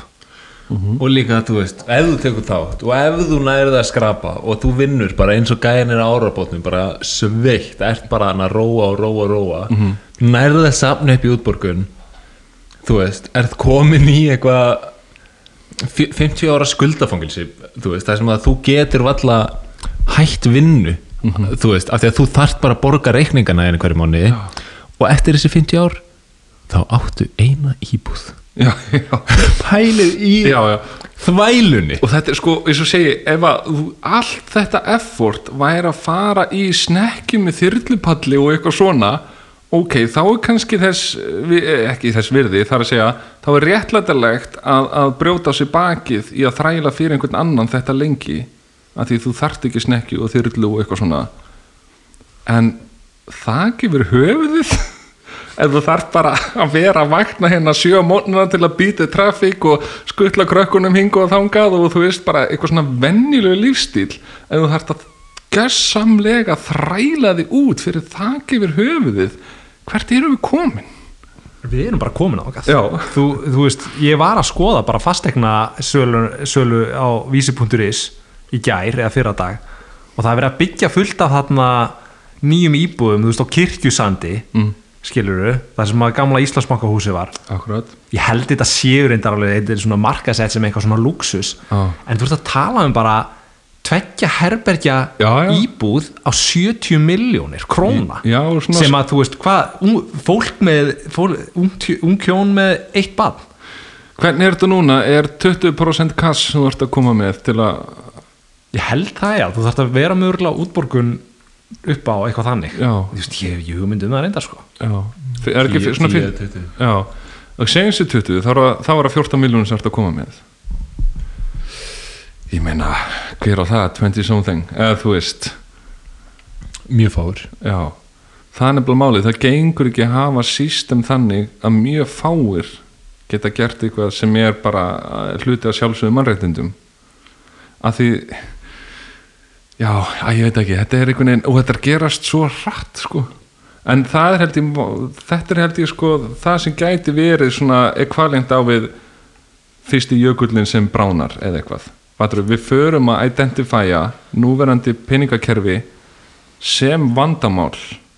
Og þú veist ekki bara einhverju bitcoinis heldur bara fólk fer að fara að spyrja sig þarf þetta að vera svona þetta er bara svo erfitt eins og með fréttaflutning. Mm. af því að núna ha- hafa verið verið að rjúka upp og þá kemur beint narrativið að það sé út af lóðaskorti og... skipaflutningavandræðum. Já. eða, eða, eða einhverju öðru en peningabröndun bara COVID skilur, COVID, bara allt bleimið COVID fær allt bleimið og þú veist En það er ekki verið að benda á þá stað, það er ekki verið að benda á þá staðreind að hvað var það Maður, að, hérna, 30% af bandarækjadólarum um, hérna, sem eru umferð í dag voru prentaðir á Heyrðu. 2020 það, hérna, veist, þetta er bara algjörlega absúrt fólk þarf að ímynda sér þetta bara sem Mhm. djúskönnu og það er verið að fylla vatni í hana og þinna já, já, bræðið út og bræðið er kaupmátturinn já, já, algjörlega. Þannig að mm, þetta er þetta, er, þetta var ekki eins og djús? Já. Þetta er bara vatn núna sko. Bandarækjumenn hafa komist upp með meiri peningaprentun en aðra þjóðir hafa getað lift sér að venna þess að dólarin er svona útfælingsvara líka. Og þið vitið oljuverð er uh, titlað í dólarum og það er náttúrulega deal of the century. Þar að segja að síðustu aldar var náttúrulega þegar menn fengu það í gegn að oljan væri reknið dólarum og þú keiftir hana með dólarum þá þurfa allir dólar og þá getur við leiftir að prenta miklu meira án þess að landsmenn finni fyrir verbulgu því að peningunum er mókað úr landi. Og svo ertu búin að dollaræsa önnur lönd líka. Þú veist, dollari notaði í Tælandi og í Suður Ameríku og um allar koppagrundir sko. Þannig að þeir hafa hingað til geta alveg verið með prentilin alveg í dundræti gangi en það kemur einhvern tímann á skuldadögum. Og ég var að lesa í gæra talan sem komið upp í 40% sem sagt að 40% af existed dollars var prentaðar núna síðustu 12 mánuðum. Já, ég læst, ég læst það líka. 40% það er næstu helmingurinn strákar. Ég, ég las bara, Við erum bara á endastuð þetta, er, þetta er uh, bara þetta eru magna, magþrungir tímar sko. já, ég las á Twitter í dag það var hérna einhver sem að spurði bara svona can you explain me explain to me like I'm 12 years old what is inflation? Og þá var einhver sem svaraði sko ímyndaðir að þú sért með hérna ert að safna köruboltspjöldum og það er búið að gefa út þú veist, eitthvað fyrirtæki er að gefa út köruboltspjöld og þú ert búin að fá hérna, þú veist, Michael Jordan og ert með Kobe og ert með, veist, ert með alveg búin að ná í gott safn og það eru bara til, þú veist, miljón svona spjöld um allan heim og þú ert búin að ná einna í þúsund flott spjöld og bara gott saman, þú farið á eBay og bara selt þetta, skilur en svo ákveð fyrirtæki sem að er að prenta út þessu köruboltaspjöld að henda í framleiðslu nummer 2 framleiðslu nummer 3 og 4 þannig að allt í einu þá er þessi miljón spjöld sem eru til og þú áttir, þú veist, einhver verðmætt spjöld þau eru ekkert lengur svo verðmætt það er bara búið að búa til, það er búið að flæða inn í kerfið nýja Michael Jordan og örgulega bara flottari skilur, glansmyndir skilur þannig að þú ert bara með miklu uh, verð minni samt í höndunum. Já, ég man eftir glansmyndunum. Bara skjóta því inn í ég er samt nærenda Patrick Ewing, ég var Nix maður eini maðurinn í bólungæks ég var Nix en nú er Nix sko. Nei, mér, þetta, er, þetta, sko, þetta er bara barna menning börn skilja hörgul miklu betur Já. en fullorðið fólk. Börn læra það að peningar er ekki prentaðar á trjám. En þeir eru samt eiginlega gerðir það. Já, já, þeir eru bara gerðir það meira svo auðveldar þeir eru, það er ítt á taka. Já, já. en þú veist, ég á krakka og þeir eru í leikskóla og dótti mín fer í leikskólan og hún sapnar glitsteinum. Hún lappar um lóðina og finnur glitsteina skiluru, og skelljar og kuðunga sjálfgæfu hlutina sem að finnast ef þú grefur eftir þeim í einhverjum hólum og einhverjum söndkössum skiluru, proof of work. Já, já, svo já. fer hún með sína skelljar til einhvers annars krakka í leikskólanum og herðu, ég skal býta við þig hérna eh, þú ert með stóru skópluna ég er innan með tvo kuð, kuðunga. Já. gottu með hérna skópluna þau fatta þetta. Já, já. þau vita nákvæmlega hvað peningar snúast um. En við fullorðna fólki, við erum pínlítið búin að missa sjónar af þessu. Það er að blekja okkur. Veist, þetta er náttúrulegt fyrir okkur að byrja að samna okkur hörglumeinum byrja að treyta við það verður peningur upprömmunin á markaði og og það, þú veist það, þetta er náttúrulegt ferli sem gerist að við förum úr þessu sem, eins og þetta lýsa skilja við förum úr bara samla hlutum, treyta þar verður peningur. Um, og þess vegna var eins og gull er náttúrulegur peningur. Þegar var, var náttúrulega vík, Víking sterkan hérna svo hlustundur kom hérna með pappalegasta bjóri heimi. Íslenska versjoni af Elon Musk að fá sér Jónu í beinni útsendingu. Það það heyrði svo hátt ég vissi ég hefði trublaði þennan en já, you were saying. Já, að þú veist, þessi hugmynd að, að gull er náttúrulegur peningur og það er náttúrulega, þú veist að, að þú veist, það er náttúrulegt fyrir pening að, að verða uppsprottin á marka og það er náttúrulegt fyrir hann að vera harður og hérna það er bara, við erum búin að vera að lifa í blekkingu, þú veist, það er ekki við erum ekki vittlausa fullorna fólkið þú veist, við erum bara fólk sem hefur verið blekt og logið að og bara verið að, þú veist verið að einmitt, gera, gera það og þú veist, nú er komin nýr peningur sem er náttúrulegur. Bitcoin eins og gull er náttúrulegur peningur. Veist, er svo lífræn peningur. Mm, ég man sko hérna að því maður er búin að fara einhvern veginn með víðan völl en ég man hérna eftir einum þræði því ég láð þarna á sofanum og var að koma niður úr umrættu tíknendu ferðalagi. Og er þarna að eitthvað að reyfa um fjármálakerfið að það sem ég ætlaði að koma inn á var að sjamaninn minn sem var svona að leiðbeina mér í gjörnum þetta uh, skemmtilega ferli hann spyr þannig hefur þið kynntið byggun og þetta er hann að hausti 2014 og ég bara nei, byrju, ég, þú veist æ, það var þannig að huga plattforminu að þú veist, menna tala um það og maður er búin að sjá fréttir og eitthvað svona. En er þetta ekki bara einhver Super Mario Bros. peningur þú veist, eins og því Super Mario kýlur í steinin og fær pening, þú veist. Hvað, þú veist, hvað er þetta? Og hann sagði, þú veist, þetta gæti breytt öllu. Og þetta er Vá, ég vissi þetta ekki. Já, ok, ok, þetta er tvö- 2014 sko. Og, hann, og þessi strákur hann því ég var í efnaverkfræði áður en ég fór í fjármálaverkfræðina þá var hann að læra ramus og tölvuverkfræði.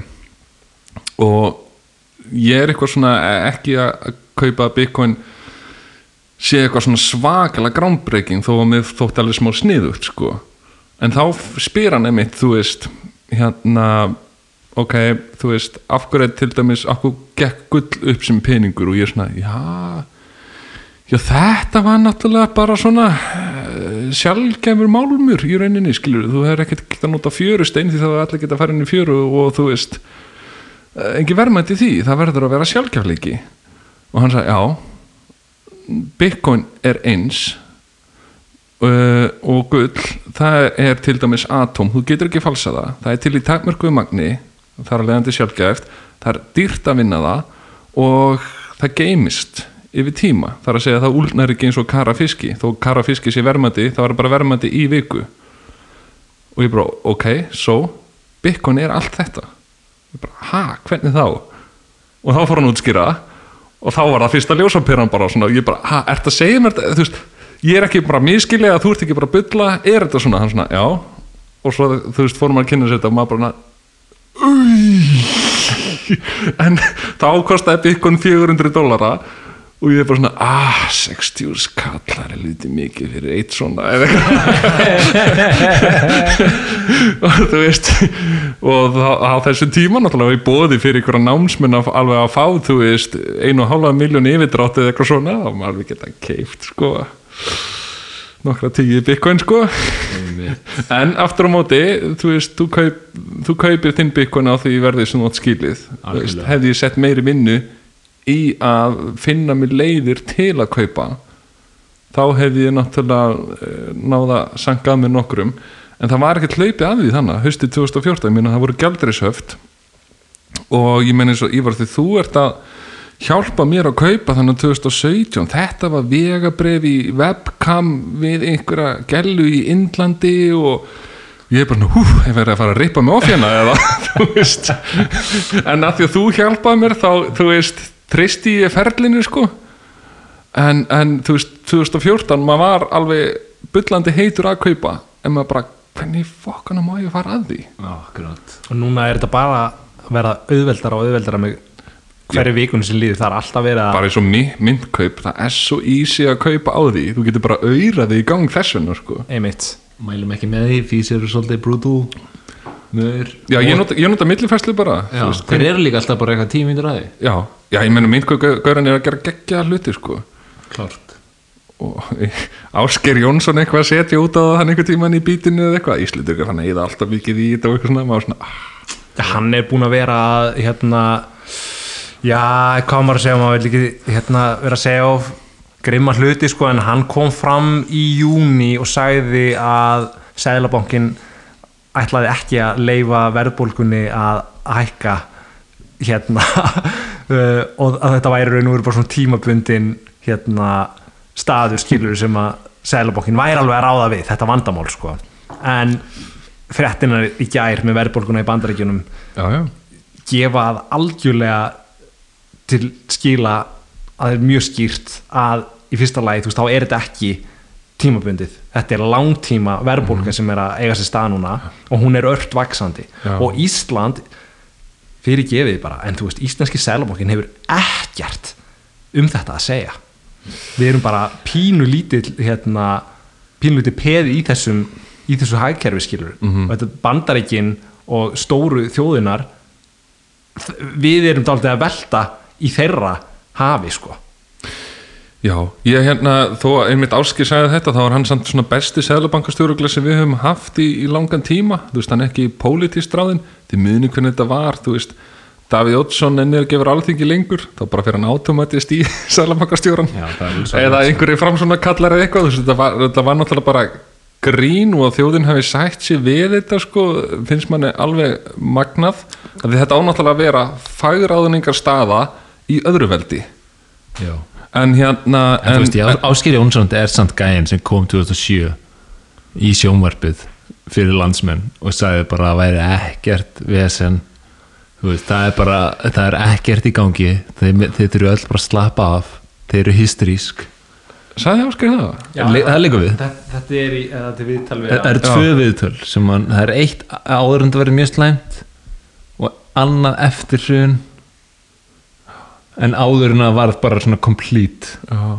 Eh, áður en maður vissi að svona dýftina af þú veist, hvað var í gangi? Ég fíl hans bara kannski líka svolítið svona mikið að hann er rosalega flottur í tauginu Já, og hann, er, hann og- kemur vel fram Já, sko, og þannig að hann- maður er bara svona, já, ég tristi þessum gæja. Já, já, en ég er sprengja sko. Já, hann er alveg svona Pér Sprengi en, En hann síðan er- eins og, eins og hann, hann hefur tæklað eins og Bitcoin e, hann, með þess að verðbólga er eitt en síðan eins og þegar hann kemur í Bitcoin og segir að það sé píramindasundl þú veist, er bara mér, finn, mér finnst það mjög vandræðilegt Já, já, þetta er náttúrulega, en þetta er náttúrulega bara blasið við hann ekki kynnt sér málið. Annað sem ég ætla að segja, okkur, þú veist, ég hef alltaf svona fílan, þó sé ekki kannski endilega sammála því sem segir um Bitcoin. Hann er náttúrulega fræðimaður og gaf út bók og þannig að við, við deilum því að hafa seint reitstörfum og svona, sko. Uh, verandi handreitsöndur sjálfur, sko. En, en allavegna þegar hann er þarna í útvarpinu að segja hvað stoppar hann að Satoshi frá því að gefa ekki út meiri bitcoin þá bara svona búm ok, hann veit ekkert um hvað þetta snýst og, og það er allt í lagi eins og vorum að tala um áðan, tekur langan tíma að setja sig inn í hvernig virkar þetta ekki sann svona, þetta er bara algjörlega Þetta er va- já, þetta er alveg, þetta er grunnlevel sko. Sæðlabankastjóri Já. lífið snýst um framleiðslu peninga Já. og þú ert komið hérna í raun og veru quote on quote sko keppinautin sem er að fara að rústa en, þér. en, hann er, Já, en hann er kerfismæður þetta er ennþá smá hettupeysu st- uh, þetta er samt, þú veist, margfalt stærra kerfi heldur en íslenska krónan til dæmis. já, já, það er alveg rétt. Þannig að þú veist Þetta, er fór fram úr svisneska frankonum í, um daginn. Hvað eru, þrý dagar síðan eða eitthvað þetta er bara núna bara top 10 alveg stærstu gjaldmiðlar í, í heiminum. Nokkur þúsund dólarar í það að uh, bitcoin velti silfri. Já. hérna komið upp í 90% af market capi á silfri? Einmitt. Þannig að ég veit ekki, ég á erfitt með að gefa honum slakk í þessu, sérstaklega eins og Stefán segir, skilur starfið hans gengur út á að vita já, eitthvað um peninga og peningakerfi og sko við erum ekkert að setja út á hann sem mannesku, hann Nei, er bara nei. frábær. Já, já. hann er svo fyndinn, hann var í viðtali hjá Auta og Sveppa og Gilsinnegar, hann er bara frábær þar skilur, en hann á ekki að vera að tjá sig um bitcoin að þegar hann er að Veit segja ekki. svona, svona grundvallar hérna atrið sem að eru ekki byggða á, á neinum rökum sko. já þetta er mér langar einmitt að skjóta hérna að að þegar við höfum verið að sjá málsmetandi einstaklinga í þessu þjóðfélagi ekki hika við það að tjá sig fyrir opni tjöldum um ágalla bitcoin þegar þeir þekki ekki einu sinni eiginleika bitcoin. Já, akkurat maður. Og við erum búnir hérna við tveir erum bara áhugamenn, við erum ekki hagfræðingar. Við erum, e, sko ég er reyndar viðskiptafræða mentaður en þú veist, við erum engir svona sérfræðingar í þessu nema út af það sem við erum sjálfur bara persónulega búinir að- læra í gegnum, í raun og veru bara Twitter og YouTube skilur sem er bara skóli lífsins á 21. öldinni. En við erum búin að vera að reyna að taka þátt í umræðinu um peninga, sælabankana verðbólguna á Twitter til dæmis. Hashtag hagfræði skilur Já, hvernig gengur það? það gengur bara mjög vel en það er það eru ekki mjög margir sem að hérna, hafa áhuga á því að koma og ræða við okkur í þessu podcasti.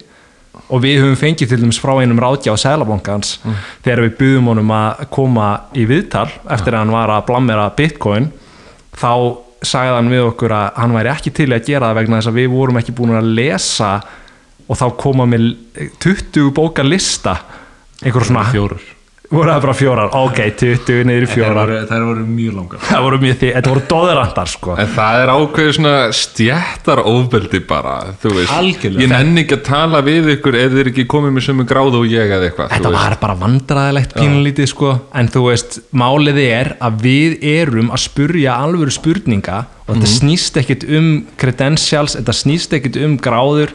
Ef að bara í nútíma internet drifnu samfélagi þá er það bara, ef þú getur ekki svara spurningum þú veist, þá er það bara merki um það að þú veist ekki hvort að tala um. Það skiptir einhver máli hvort þú sett Jón eða sér að Jón hérna Já, ég meina, einmitt, ég meina hefði Sölvi Tryggva búðunum með viðtal þegar það podcast var vinsalasta podcast landsins hefði það sendt einhvern bókalist á Sölva þú voru að lesa þetta ef ég að koma í viðtal til þín?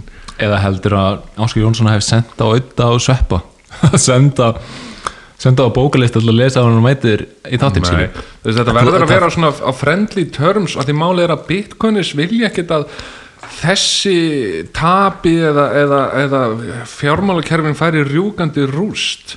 Veist, við viljum að allir vinna og bitcoin er fyrsta kerfið sem maður fyrir svona ekki bara tilfinningunni, því meira sem að skoða. Þetta er, vin, þetta er besta vinn-vinn kerfi fyrir alla eins og vorum að tala um áðan að Wall Street fjárfestin fær sömu ávastun og einhver jón út í bæ. Þetta er sangjernasta kerfið sem hefur verið búið til. Já, Al, alveg bara allavega peningakerfið. Þetta er sangjernasta peningakerfið sem hefur verið búið til. Þetta er mesta svona power to the people sem maður hefur getað að hugsa sér því veist það er mikið verið að tala um verkefnisreifingun og hún er berjast fyrir lánarlegum fólki Þetta er endalist barátt eða fólk þarf endalist að vera berjast fyrir hærri launum Mm. og, og síðan árið setna er verðbólgan búin að þú veist, Éta verðinu upp um, um Já, já. 16% sem var launahækunin það er bara að ertu mættur á byrjunröð bara trekki, trekki, og þess vegna er svo ótrúlega áhugavert að hugsa Bitcoin og reyna að ímynd sér að því að maður er svo fastur inn í fiat hugsun og maður næri ekki að hugsa alveg út frá fyrstu lögmálum bara hvernig að heimur eins og Bitcoin myndi virka. En hvernig verkalýsbaráttur munum virka þegar þetta er í hináttina? Þú ert með sett lögin og eftir sex mánuði þá þarf að fara að semja við þau um að lækka þau af því að peningurinn er búin að hækki við þau skiljum Já, já.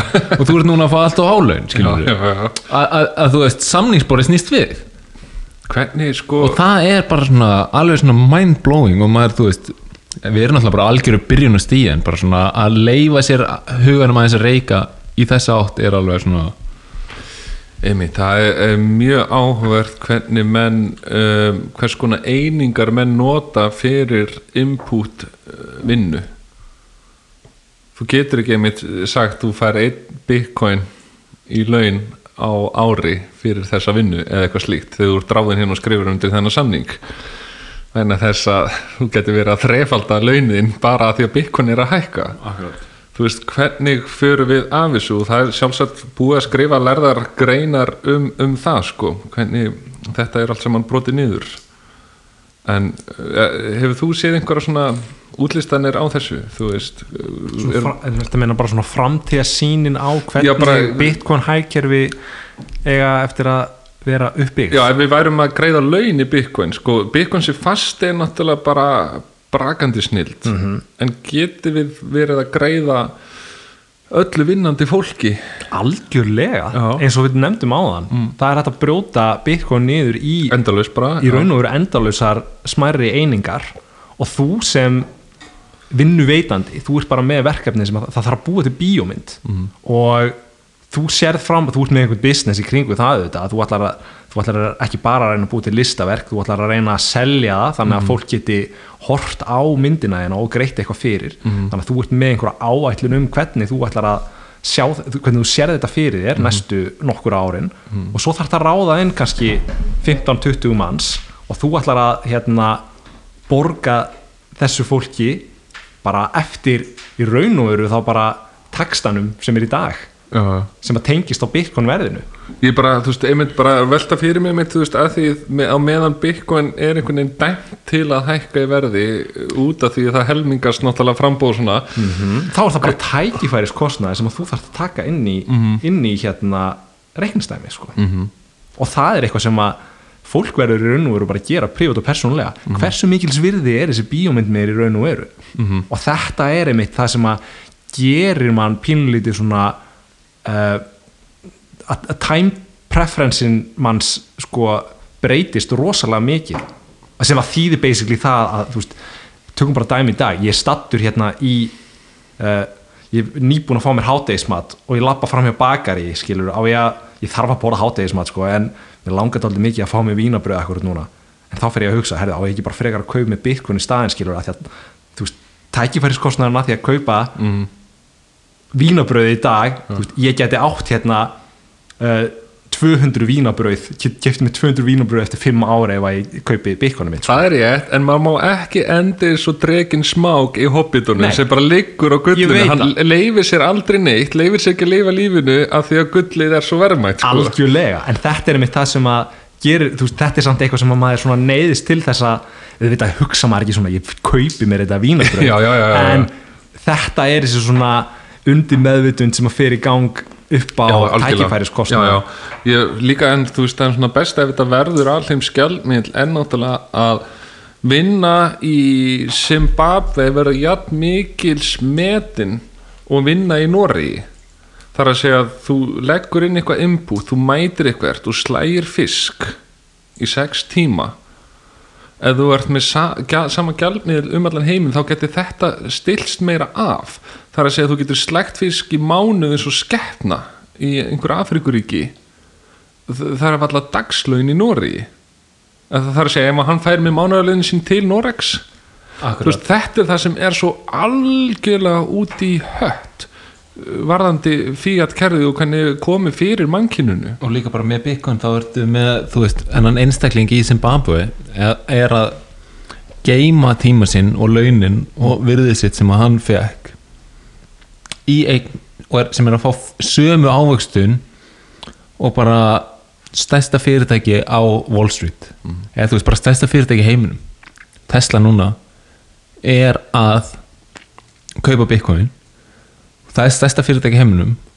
Og einhver gæi í El Salvador sem vinnur skiluru við að selja frostpinna út á götu er að fá sama return á sparnaði sinn. Mhm. Það er svo mindblowing og empowering Já. að það, þú veist eiginlega bara hann brýtur skalan Já, þú veist, og, þú, og, og það besta, best, til besta að ávasta pinningin almennilega áður fyrr þá þurftir bara að vera með aðganga að einhverjum bara svona mjög góðurum þú veist, fjárfestingasjóðum skilur Já. og bara svona ríkasta fólk í heiminum fekk eitthvað almennlegt í törna því að þeir voru með einhverja bara svona brjála fjárfestingasjóði sem að sáu um að ávasta pinningin þeirra Mhm. En núna bara erum við konum við tækni sem gefur, setur alla á sama Já. sama grunnplan. Og þú veist, Bitcoin er að fara að outperforma 99% af öllum fjárfestingasjóðum Já, og þá er engin veist, tilgangur að vera með fjárfestingu í fastegn þar að segja, þú vilt náttúrulega hafa hús en taldi til þess eftir því að BlackRock fjárfesting, vogunasjóðurinn eitt svo stærsti í heimi, er að kaupa upp alla Amsterdam að því þau hús og það svæði er svo mikið skarsitti og hvað var það 20 og eitthvað prósent af húsnæði í bandarækju núna orði í eigu sjóða? Kannski er ég að tala með raskatinu varandi hlutföll sko. Já, já, en það, þetta er samt alveg komið þangað Já, sko. en, að því, en hugsið ykkur þetta Steipa er orðið nýju bankin pluss áhugstun og þetta bitnar á fólki þegar þetta keirir upp verðið en ef þú er komið með fjárfestingakost einhvern algjöran hörgul sem bara helmingast og helmingast á fjagra ára fresti með, og, og leiðir af sér hækkandi verð af hverju viltu þá vera að kaupa fastegn eftir fastegn þú veist, þú ert efnamikill einstaklingur og ert að setja peningana í skjól, dreifa ekkjunum og allt þetta. Kaupir ekki bara fastegn í þínu héræði þú kaupir í öðru löndum eða þú veist, eh, þú veist af hverju ættir að kaupa skuldabrið fastegnir og svo framvegist þegar þú hefur bitcoin? Þannig að það sogar til sín svo gífulegt fjármagn. Og þetta er bara, bara raukugsun og starffræðin sem leiður okkur að þessa niðurstöðu. Það, þá bara verður fastegna kaup strax eitthvað skára dæmi fyrir ungt fólk. Þetta verður bara neysluvara. Já, einmitt. Verður, það er svo fáralegt að, sko fáralegt við sem svo sögðum aðan uh, núverandi kerfi er það skásta sem við höfum en í þessu kerfi að þá er fastegnir fjárfesting. Þetta á ekki að vera fjárfesting þetta á að vera neysla. Já. Þetta er þak yfir höfuðið að því það er vindur og rigning. Ég, ég bý ekki á sigilei í Pythagórasa reglunni þar sem við erum bara öll að hugleiða og filosófera um lífið við búum á Íslandi eða við búum í Kína eða whatever. Við þurfum hús. Akkurát þetta er neysla, alveg sem við þurfum mat. Við þurfum vatn, við þurfum að reyfa okkur. Þannig að þú veist, ég, sé bara ah, ég sé, fastegnir bara shitcoins? Nei, það er eiginlega besti sparnarinn í dag. Ég þetta- ég meina 16% upp á þessu ári á Íslandi. Fyrir utan bitcoin? Já, já, já. En já, það er alveg rétt sem hún segir, skilur Það er líka svolítið af því að leikurinn er riggaður. Já. og það eru alls konar incentive sem að er gefið svo að fólk haldi áfram að kaupa inn í þetta inn í þessa hugmynd. Sem vextir eru lækkaðir og hald, haldnir lágir. Þannig að þetta er svolítið þetta er riggað. En sko, maður fyrir svona að pæla sko eins og ef við tölum aðeins um verðþróuna því það er náttúrulega það sem fólki finnst mjög skemmtilegt. Og við náttúrulega erum að halda út eða þið er að halda út þessum póskasti fyrir fólk Nei, nei, hérna? þetta er ekki fjölmiðl, sko. Við, við erum ekki fjölmiðl Þetta er bara, við erum bara Já, já, Skilurðu? já, já. Við erum að gera þetta bara fyrir okkur, En, en, pointið mitt var að þetta inn í svona mjög entertaining umræðu sko. fólk elskar að tala um verðþróun í þessu fyrirbæri. Uh, Plan B er náttúrulega eitt að skemmtilegasta og magnaðasta sem við séð uh, byrtast í þessu mengi. Og það er helviti spot on svo far. Já, búið að vera ótrúlegt. Al, alveg ótrúlegt sko uh, síðan hafa menn verið og, og plan B uh, mótilið hveður á um að 2030 þá erum við að tala um að einn bitcoin sé 10 miljón dólar að verði afsaki viking sterkur hérna að koma út og nefn á mér. Uh, Do your own research people, það er engar fjármála ráðleggingar hér já, já, já, já. Nú, er, nú, er, nú eru konar á hættulega slóðir. Nei, hérna 10 miljón dollara hérna 2030 og en það er náttúrulega bara út af eigileikum bygg- þú veist, það er ekki verið að taka inn sko svona magn áhrif eins og ef að menn fara að taka pening sinn úr fastegnum og setja í það. Það er ekki verið að tala um þessar triljónir sem eru til í skattaskjólum og setja í það. Það er ekki verið að tala um þegar menn fara að skapa nývermandi, nýja þjónustu á byggon leijurum með öðrum orðum ef, við, ef þetta verður smá svona, bara næstu tíu ár verða svona smá svona, ekki underground þú veist, jú, jú, Tim Cook og fleiri er að stíga fram en þið vitið, þú veist, mamma mann sá ekki bitcoin eða bróðið mann sá ekki bitcoin og ég er að reyna að orange pilla gauðra með master og dóttirskráðu og þeir svona eru áhuga samir en treyir ennþá þannig að þetta þýðir það eins og alltaf vera að benda á þetta er early og mestu spámennin er í þessu mengi er að segja, þú veist, þetta er ennþá early þó að okkur finnist það ekki. Verandi lesandi um þetta á huga.is árið 2011 eða kaupandi fyrir fjórum-fimm árum fyrsta bitcoinin og svona þá er þetta early þegar fólk út í bæ hefur mestarlega heyrt um þetta en getur ekki útskýrt þetta fyrir þér. Akkurát en, en segjum svo að við verðum bara á svona stock to flow uh, uppsiglingunni. Og ég meina 10 miljónir dollara eitt bitcoin 2030 það er það er náttúrulega alveg hella að hugsa út í það en þá er ekki verið að taka inn inn í dæmið mitt allar þessar triljónir í skattaskjóli af, og, og í fasteinu menn það kostar að halda fastein þú þarft að borga fasteinagjöld þú- alls konar vesen, viðhald og dótari þó þú ætti heila blokk og ert að leiðina út og ert að kassa feitt á því. Ég meina það kemur bara að því að það þarf að skipta um báriðan á þakkinu eða, eða þakgrænur eða, eða whatever skilur en þú, það kostar ekki krónu að halda á bitcoin og þú getur alltaf liquidatað þá upphæð sem þú vilt. Ef þið vantar pening og þú átt uh, fastegn og þú ert að leigja hana út þú, þú selur ekki helmingin af henni. Þú þarf annarkvort að selja hana alla og þá er fjárfestingin farin. Eða þá að þú þarf endur fjár manna lánið sem kefti fasteinina með og klípa þá mismunun sko. Um, en allan að það sem ég er að reyna að koma að að plan B er að tala um 10 miljón dólara 2030 bara einföld starffræði hvað haldið það gerist eða þetta sogar til sín fastegnamarkaðin aflandsdæmið alla verðmyndasköpun sem á eftir að eiga sér stað í heiminum sem verður byggt, byggð á byggur leijurum þú veist. Fuck, þú veist, er þetta 100 miljón dólar þá bara 2035 eða? Já, sko, það er, það er þetta, hérna, Bitcoin er núna 1 trillion dollar market cap, svona give or take, skiluru. Já, já. Uh, það talað um að hildar virði allra, allra egna í heiminum séu eitthvað um 400-500 trilljón bandarækjadólar. Mm -hmm. Og stærsta, stærsti hérna parturinn af þessu eru skuldabref -hmm. og skuldabref í dag eru náttúrulega bara að þú kaupir skuldabref og, og hérna tapar peningum ef þú heldur því í tíu ár Já, raunávastunin er náttúrulega mínus. Einmitt. En þannig að það eru nú rætt að segja að Bitcoin, ef að Bitcoin ef það verður eitthvað svona hyper Bitcoinization þar sem að Bitcoin tekur bara yfir sem eina peningavæta eignin og allt annað sé í raun og veru bara nota sem neysluvara. Þú veist þannig að gull verður ekki lengur hugsaði sem peningur, heldur bara svona demonetized og verður bara svona yðnaðar vara, fasteignir verða bara neysluvara, skilur við þá mun Bitcoin taka allan þennan markað yfir. Já, já. þannig að það er hægt að búast við 400 pro- eða, sinn, eða 400 sinnum hærra marketkapi en í dag allavegna það sko. En við þurfum náttúrulega að gefa okkur kannski eitthvað svona time stretch, þú veist, Já, 20 ár eða eitthvað Me, slíkt skilur. meira Já, örugglega, þessuna sko, Margir, nokkur ára tvýr Nei, ég man bara til dæmis uh, ég kom ekki reyndar inn á það áðan en þegar ég var að læra fjármálverkræði þá var ég að treyta hlutabrif og það var bara íslenski markaðurinn. Og þú veist, bankarnir falla 2008 þannig ég er að treyta rosalega mikið 2006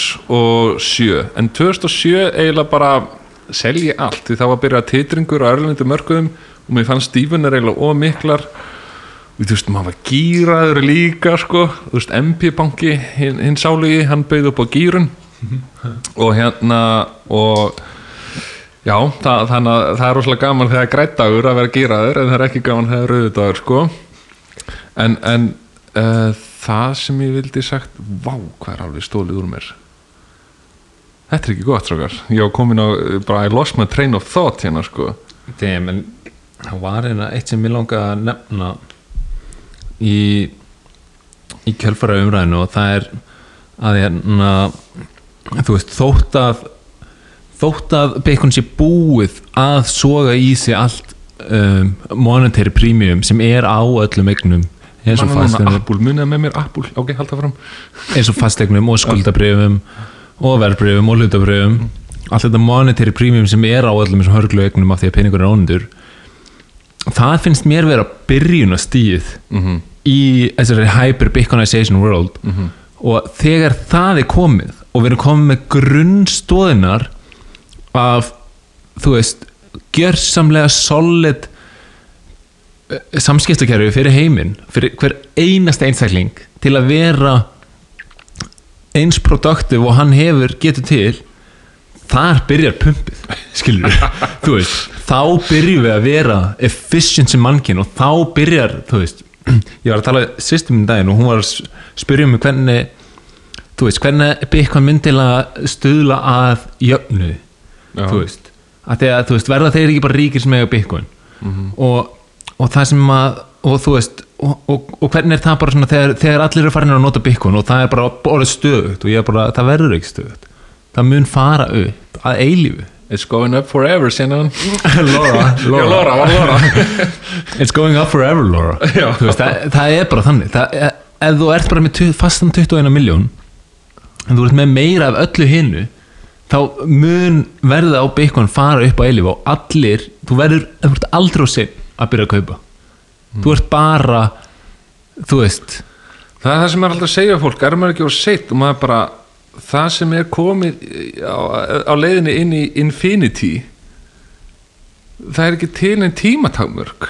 Akkurat. Bara, bara farðu inn núna, ok, þú er ekki aðjá, þú ferð þá inn eftir fimm ár eða þú ferð inn Já. eftir tíu ár. Það er bara hann Já, og, ég meina þegar þú byrjar að fá kannski greitt laun í þessu og þegar þú þarft að borga fyrir húsið þitt í þessu eða þá er þetta bara svona eins og mm, ég veit ekki, bara he heimabanki eða eitthvað, þú veist, maður var ekkert æstur að prófa heimabanka en þegar það byrjaði og, og, og þú veist, maður hættur að fá gluggapost eða vatnreið, skilur þá bara smátt og smátt ferðu inn í eitthvað. Þú veist, ég, ég er alltaf svona síðast oft, svona síðastu gaurin að fá mér eitthvað svona fancy stuff eins og snjálfsíma eða eitthvað svo leis mér svona taldi, taldi mikið þurfað eða eitthvað en síðan bara einhvern veginn eru allir konið með þetta og það er verið, þú veist, party invitation á Facebook og eitthvað svona og maður svona, ok, ég fæ mér þetta. Bitcoin verður alveg eins. Og þú þarft ekki eins og á einhver tímapunkti þarf fólk ekki eins og að skilja Bitcoin. Þetta, þú veist, hver, skilur snjálfsíma alveg inn, inn að, þú veist, beini Já, eða internetið. Já, eða skilur einhver wifi hvernig getur þú verið tengdur öllum heiminum í gegnum einhvern kassa sem blikkar út í hodni eða eitthvað, þú veist? Akkurat. Þannig að, já, þegar ég ætla að segja með Apple hérna að með, með treyti og svona að uh, þá var maður að treyti rosalega mikið Íslandsbanki, Landsbanki, nei, og ströðmuburðar á svo hvað öll þessi fyrirtæki hétu fyrir raun en síðan því ég byrja í fjármálakunni þá fer ég að kynnist í strák sem var uh, innan vébanda MP banka og hann var að kaupa í Eistrasalt ríkjónum og þá var rosa mikið eitthvað svona eitthvað kasínu í Lettlandi sem er að fara, fara hundrað upp 100x á næstu tveimur árum eða eitthvað svona. Maður bara wow, eitthvað svona get spenntur að græða og eitthvað svona sko. Og, en ég man allavega að maður kefti eitthvað smá í Apple. Og Apple hefur farið upp 150 á síðustu 15 árum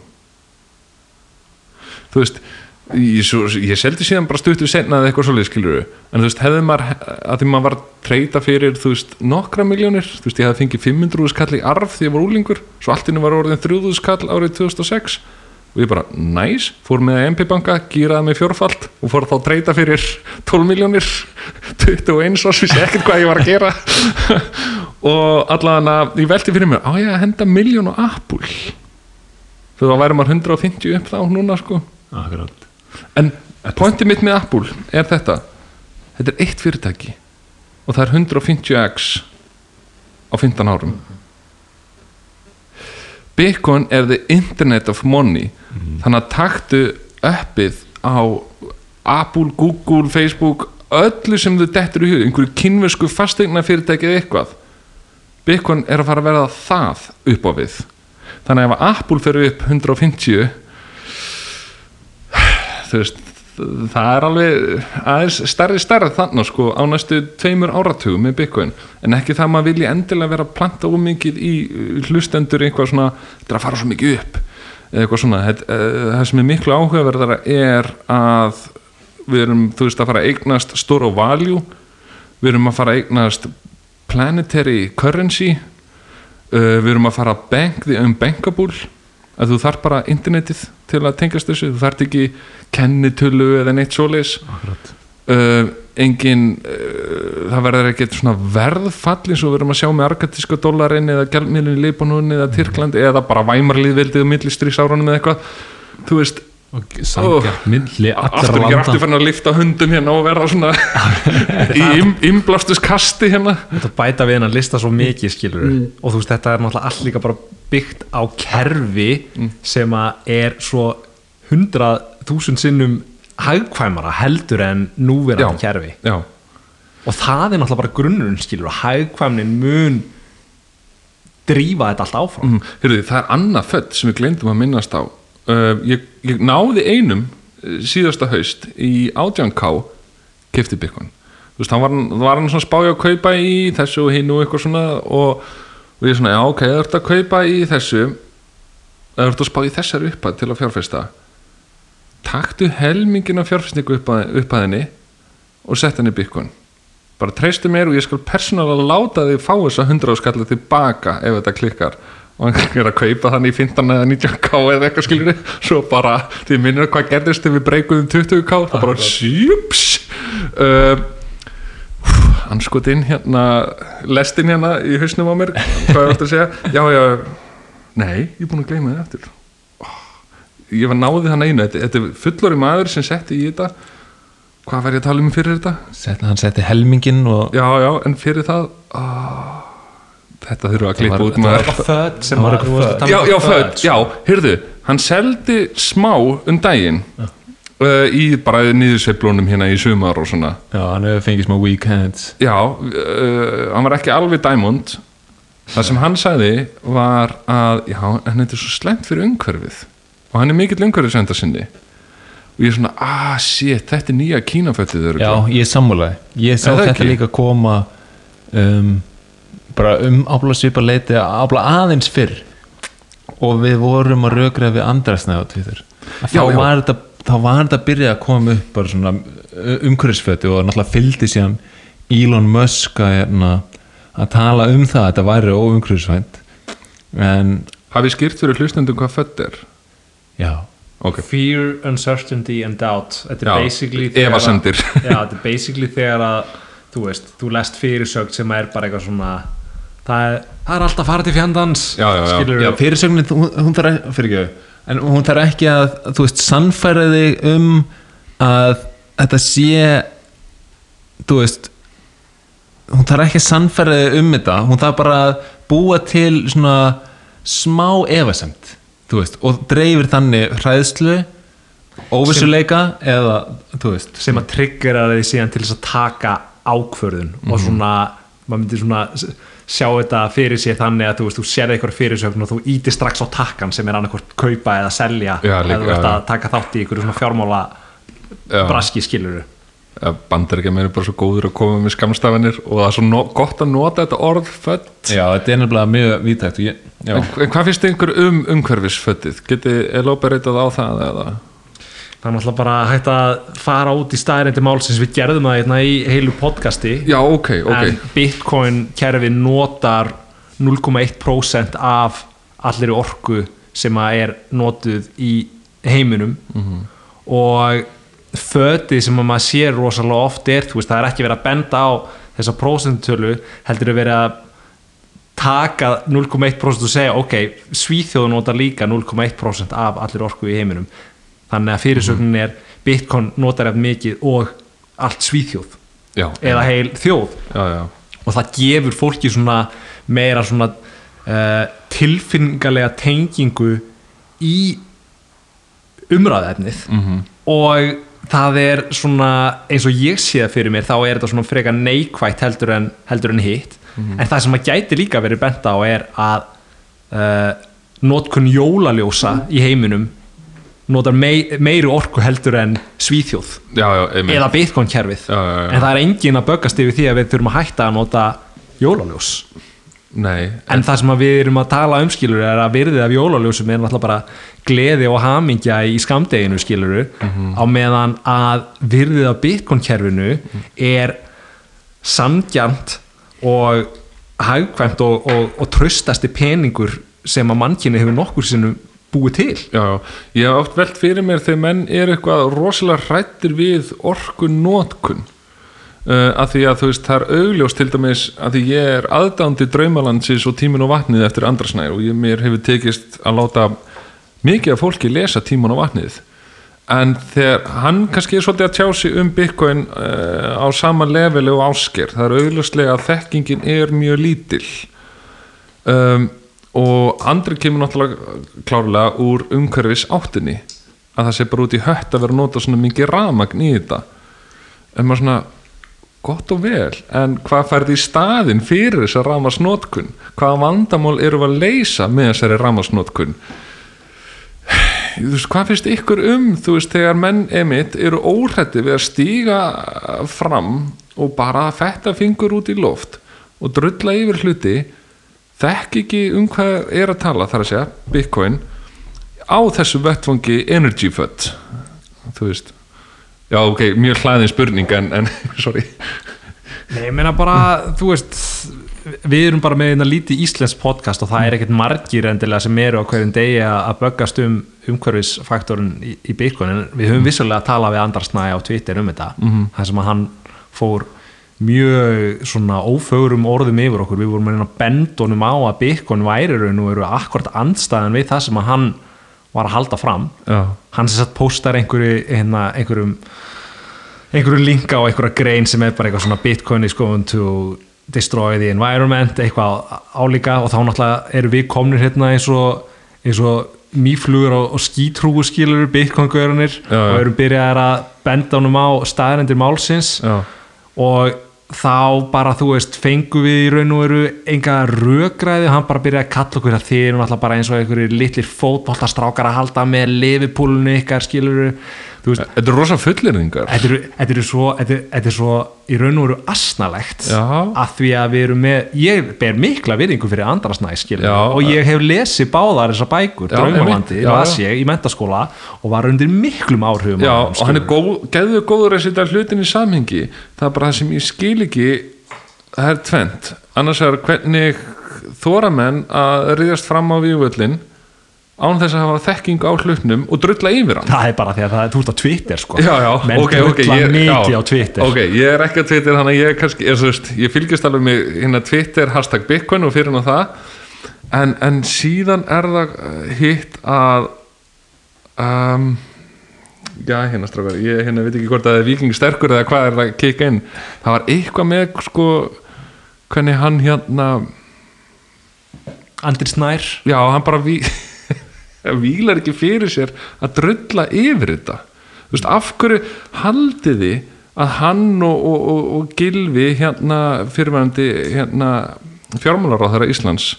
Sko, Gil, ok, ég get svarað þessu. Ég, að, sko, sko, já það sem ég langaði bara svona, bara svona uh, sjóða sama núna bara elsnögt varandi seinni hlutan er af hverju eru þeir svona hostel gagvart þessu? Því ef það væri að koma snjálfsími og ég var ekkert spenntið fyrir snjálfsíma þá væri bara svona já whatever en þeir eru svo reyðir út í þetta og eru tilbúnir að rífast við menn um Bitcoin. Og maður er bara svona gæs, af, af, af hverju eru þeir að því? Fyrir utan náttúrulega að þeir þekki ekki Bitcoin og eru að gera þetta fyrir opnum tjöldum. En hvers vegna eru þeir svona reyðir gagvart Bitcoin? Hafi einhverja hugmynd um þetta? Já, það er ótrúlega erfitt að fara og segja hvað, hvað gengur á þarna persónulega hjá mönnum skilur en bara ef maður tekur þá þú veist, sem sérfræðingarnir sem þeir eru mm. þú veist, umhverfisvenda sinni og hagfræðingur mm. þú veist, hagfræðingar eru náttúrulega bara sérfræðingar sem að það, það eru, það eru basically tveir skólar af hagfræði þú veist, það er austuríska hagfræðin og svo er Keynesian hagfræðin skilur Keynesian hagfræðin er eini skólinn sem er kendur í vesterannum háskólum þannig að það er engin gaggrinn hugsun hjá þeim um hvernig stefna hagfræðin ætti að vera að taka. Mhm. þú veist við erum við erum hérna rödd austurískar hagfræði á Íslandi skiluru ef þú pælir í því og við erum bara einhverju gaurur út á götunni. Þeir bara þekkja ekki gaggrinna þess vegna taka þeir svona illa við henni. Er Mises ekkert kendur í HÍ eða? Jú, við, það er eitthvað komið inn í svona microeconomics. Já, já, ok. En, en þetta er mjög lítið og þú veist, fæstir mun eftir því sko. já, ég nei, bara eins og segja, ef maður væri ekki bitcoinir og einhverju væri að tala gett mikið um það þá væri maður bara svona, já, já, whatever. En þeir eru svo reyðir maður myndi halda að þú veist, þú ert komið með hérna bara, þú veist merkilegasta hagfræði fyrirbæri fyrr og síðar er komið hérna upp og við erum að fylgjast með bitcoin peningavæðast frá nulli. Þetta ætti að vera bara rannsóknarefni allra þessara hagfræðinga en þeir sniðganga það vegna þess að þetta gengur gegn þeirra stefnum. Þar sem þeir eru búin að byggja náttúrulega sitt Já, persónulega svona kallar það svolítið út finnst mér, eða sérstaklega eins og eitthvað eins og gilva að þú veist, bara svona veistu hvað peningur er? Þetta, er svolítið svona kallað út að þú veist, hvort þið vita hvað þeir eru að tala um. Og þegar fólk, þú veist, veit ekki hvað þeir eru að tala um þá verður það svolítið pyrrað sko. Já, eða einhvern veginn þá ógnar örginu eða svona eitthvað ógnar sko. veginn. já, en þú veist, ég held ég skilji alveg hvaðan Andri er að koma. Hann sér mikla orkunótkun hann sér að það verður að nota orkuna í að mæna. Og, og hann, þú veist ef þú sér þetta eins og hann kallar þetta glópa gull, bara Super Mario pinningur Já, bara, inn, þú veist, ó, eða bara svona tilgangslust Já, já. Það sé ekki svona tilgangslust já, einmitt, þá skilja alveg að menn séu reyðir en þá er náttúrulega augljóst að þú skilur ekki hvað Bitcoin er. Einmitt. en ef þú skilur ekki hvað Bitcoin er hvernig þú eru að reyðjast fram og fetta fingur upp í loft og vera alveg uh, hostæl Bitcoin er bara stóri afhjúparinn að mínum mati, veist, það er bara ótrúlegt hvað neða afhjúpar bara liðið á fætur öðrum. Um, og heldur bara áfram að gera það þetta er alveg magna fyrir bari Við erum komnir Já, góðan þátt. maður að verða eins og sprungin blæðra hérna bara dán virkilega skemmtilegt að fá því spjall. Þetta var Já. alveg mega næs. Já, ok, ég nefnilega áttaði mig ekkert á því sko, á hvað forsendum maður væri að koma eða hvað sko, sko ég vissi alltaf bara að, þú veist, þú ert bitcoiner. Þú, þú veist, getur tala svona djúft um þetta og ert með þú veist, víðan skilning að þessinn þú ert búin að veist, vera inn í þessum geirara sem er seðlabankakerfið og, og, og, og, og vinna sem fjármálverkfræðingur en ert líka búin að vera með svolítið svona þú veist búin að fjarlæðist í og með líka svona skemmtilega hugssjón þannig að þetta var bara nákvæmlega það sem ég dætti í huga um þetta gerast, bara frábært áttur og hann að Já, við viljum okkar bæta einu við sko hérna uh, þegar ég sélull hlutabreymin sem ég var að leika með með hann 2005, 6 og 7 þá segi ég bara þessu nenni ég aldrei aftur. Eld einhverja tölur, rauðatölur, grænatölur upp, niður, kötta hér kaupa þarna. En síðan þegar já, og ég bara stóð við það.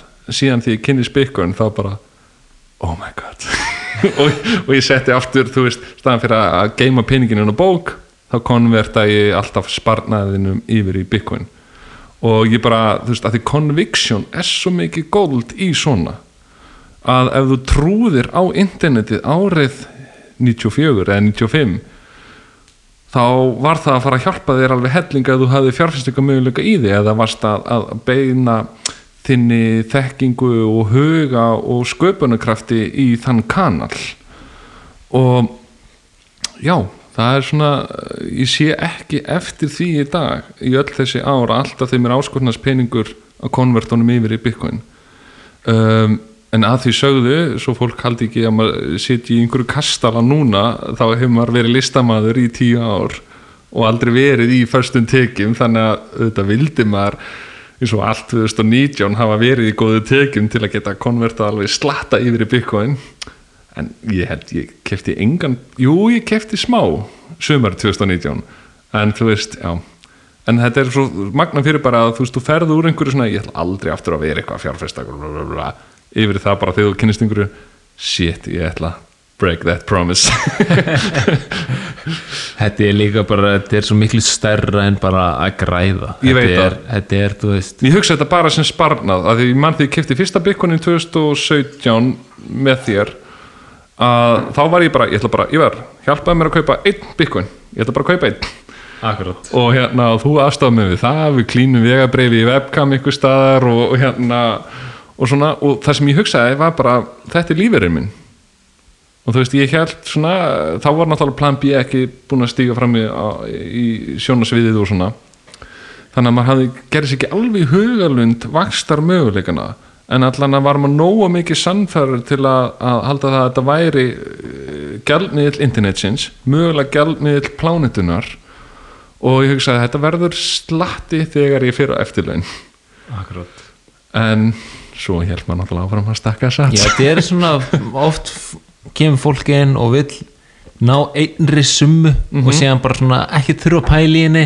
Og ég vil helst koma bara eftir tíu ára og vera pleasantly surprised að þetta er búið að orðið að helling en það er miklu verðmættir að búa til sannfæringuna í að vera að nota þetta sem sparna og, og þú veist, því fyrst sem þú kemst þangað því betra að þú sért að nota þetta bara aktul í hverju mánu í staðin fyrir að borga lífeyrissjóð eða, eða auka lífeyrissparnað eða, eða leggja inn á bankabók þá ertu bara að kaupa satt, þú ert að stapla satt hverju mánu allan auka tekinu hennar. Þú veist, það er leiðin þetta er örgasti sparnaður bara sem er til í heiminum.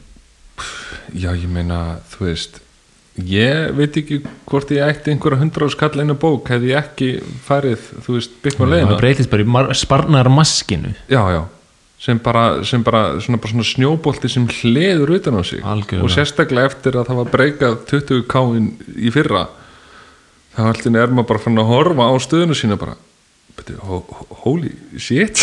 Þegar þetta voru einhverjir hundra og skalla fyrir nokkrum árum sko. Mhm. en já, gaman að þessu. Super nice. Já, þökkum kellega fyrir já gaman að koma. frábær hérna þáttur.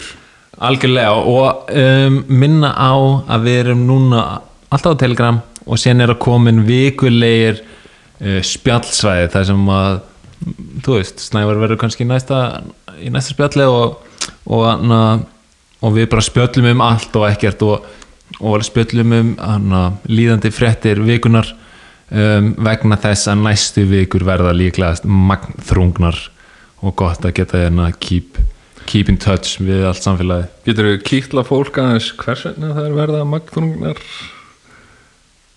það eru svagalegar hækanir já, já, á, á leiðinni ok. Að öllum líkindum do your own research people. Já, já, já, nákvæmlega. financial advice. Já, hérru, tabrút, hvernig er tabrút aktivita, tvei dagar, neð þrý dagar. já, og mögulega spot ETF í bandreikunum samdag já, þetta eru tveir risa áhangar já. alright, Magna. Já. Takk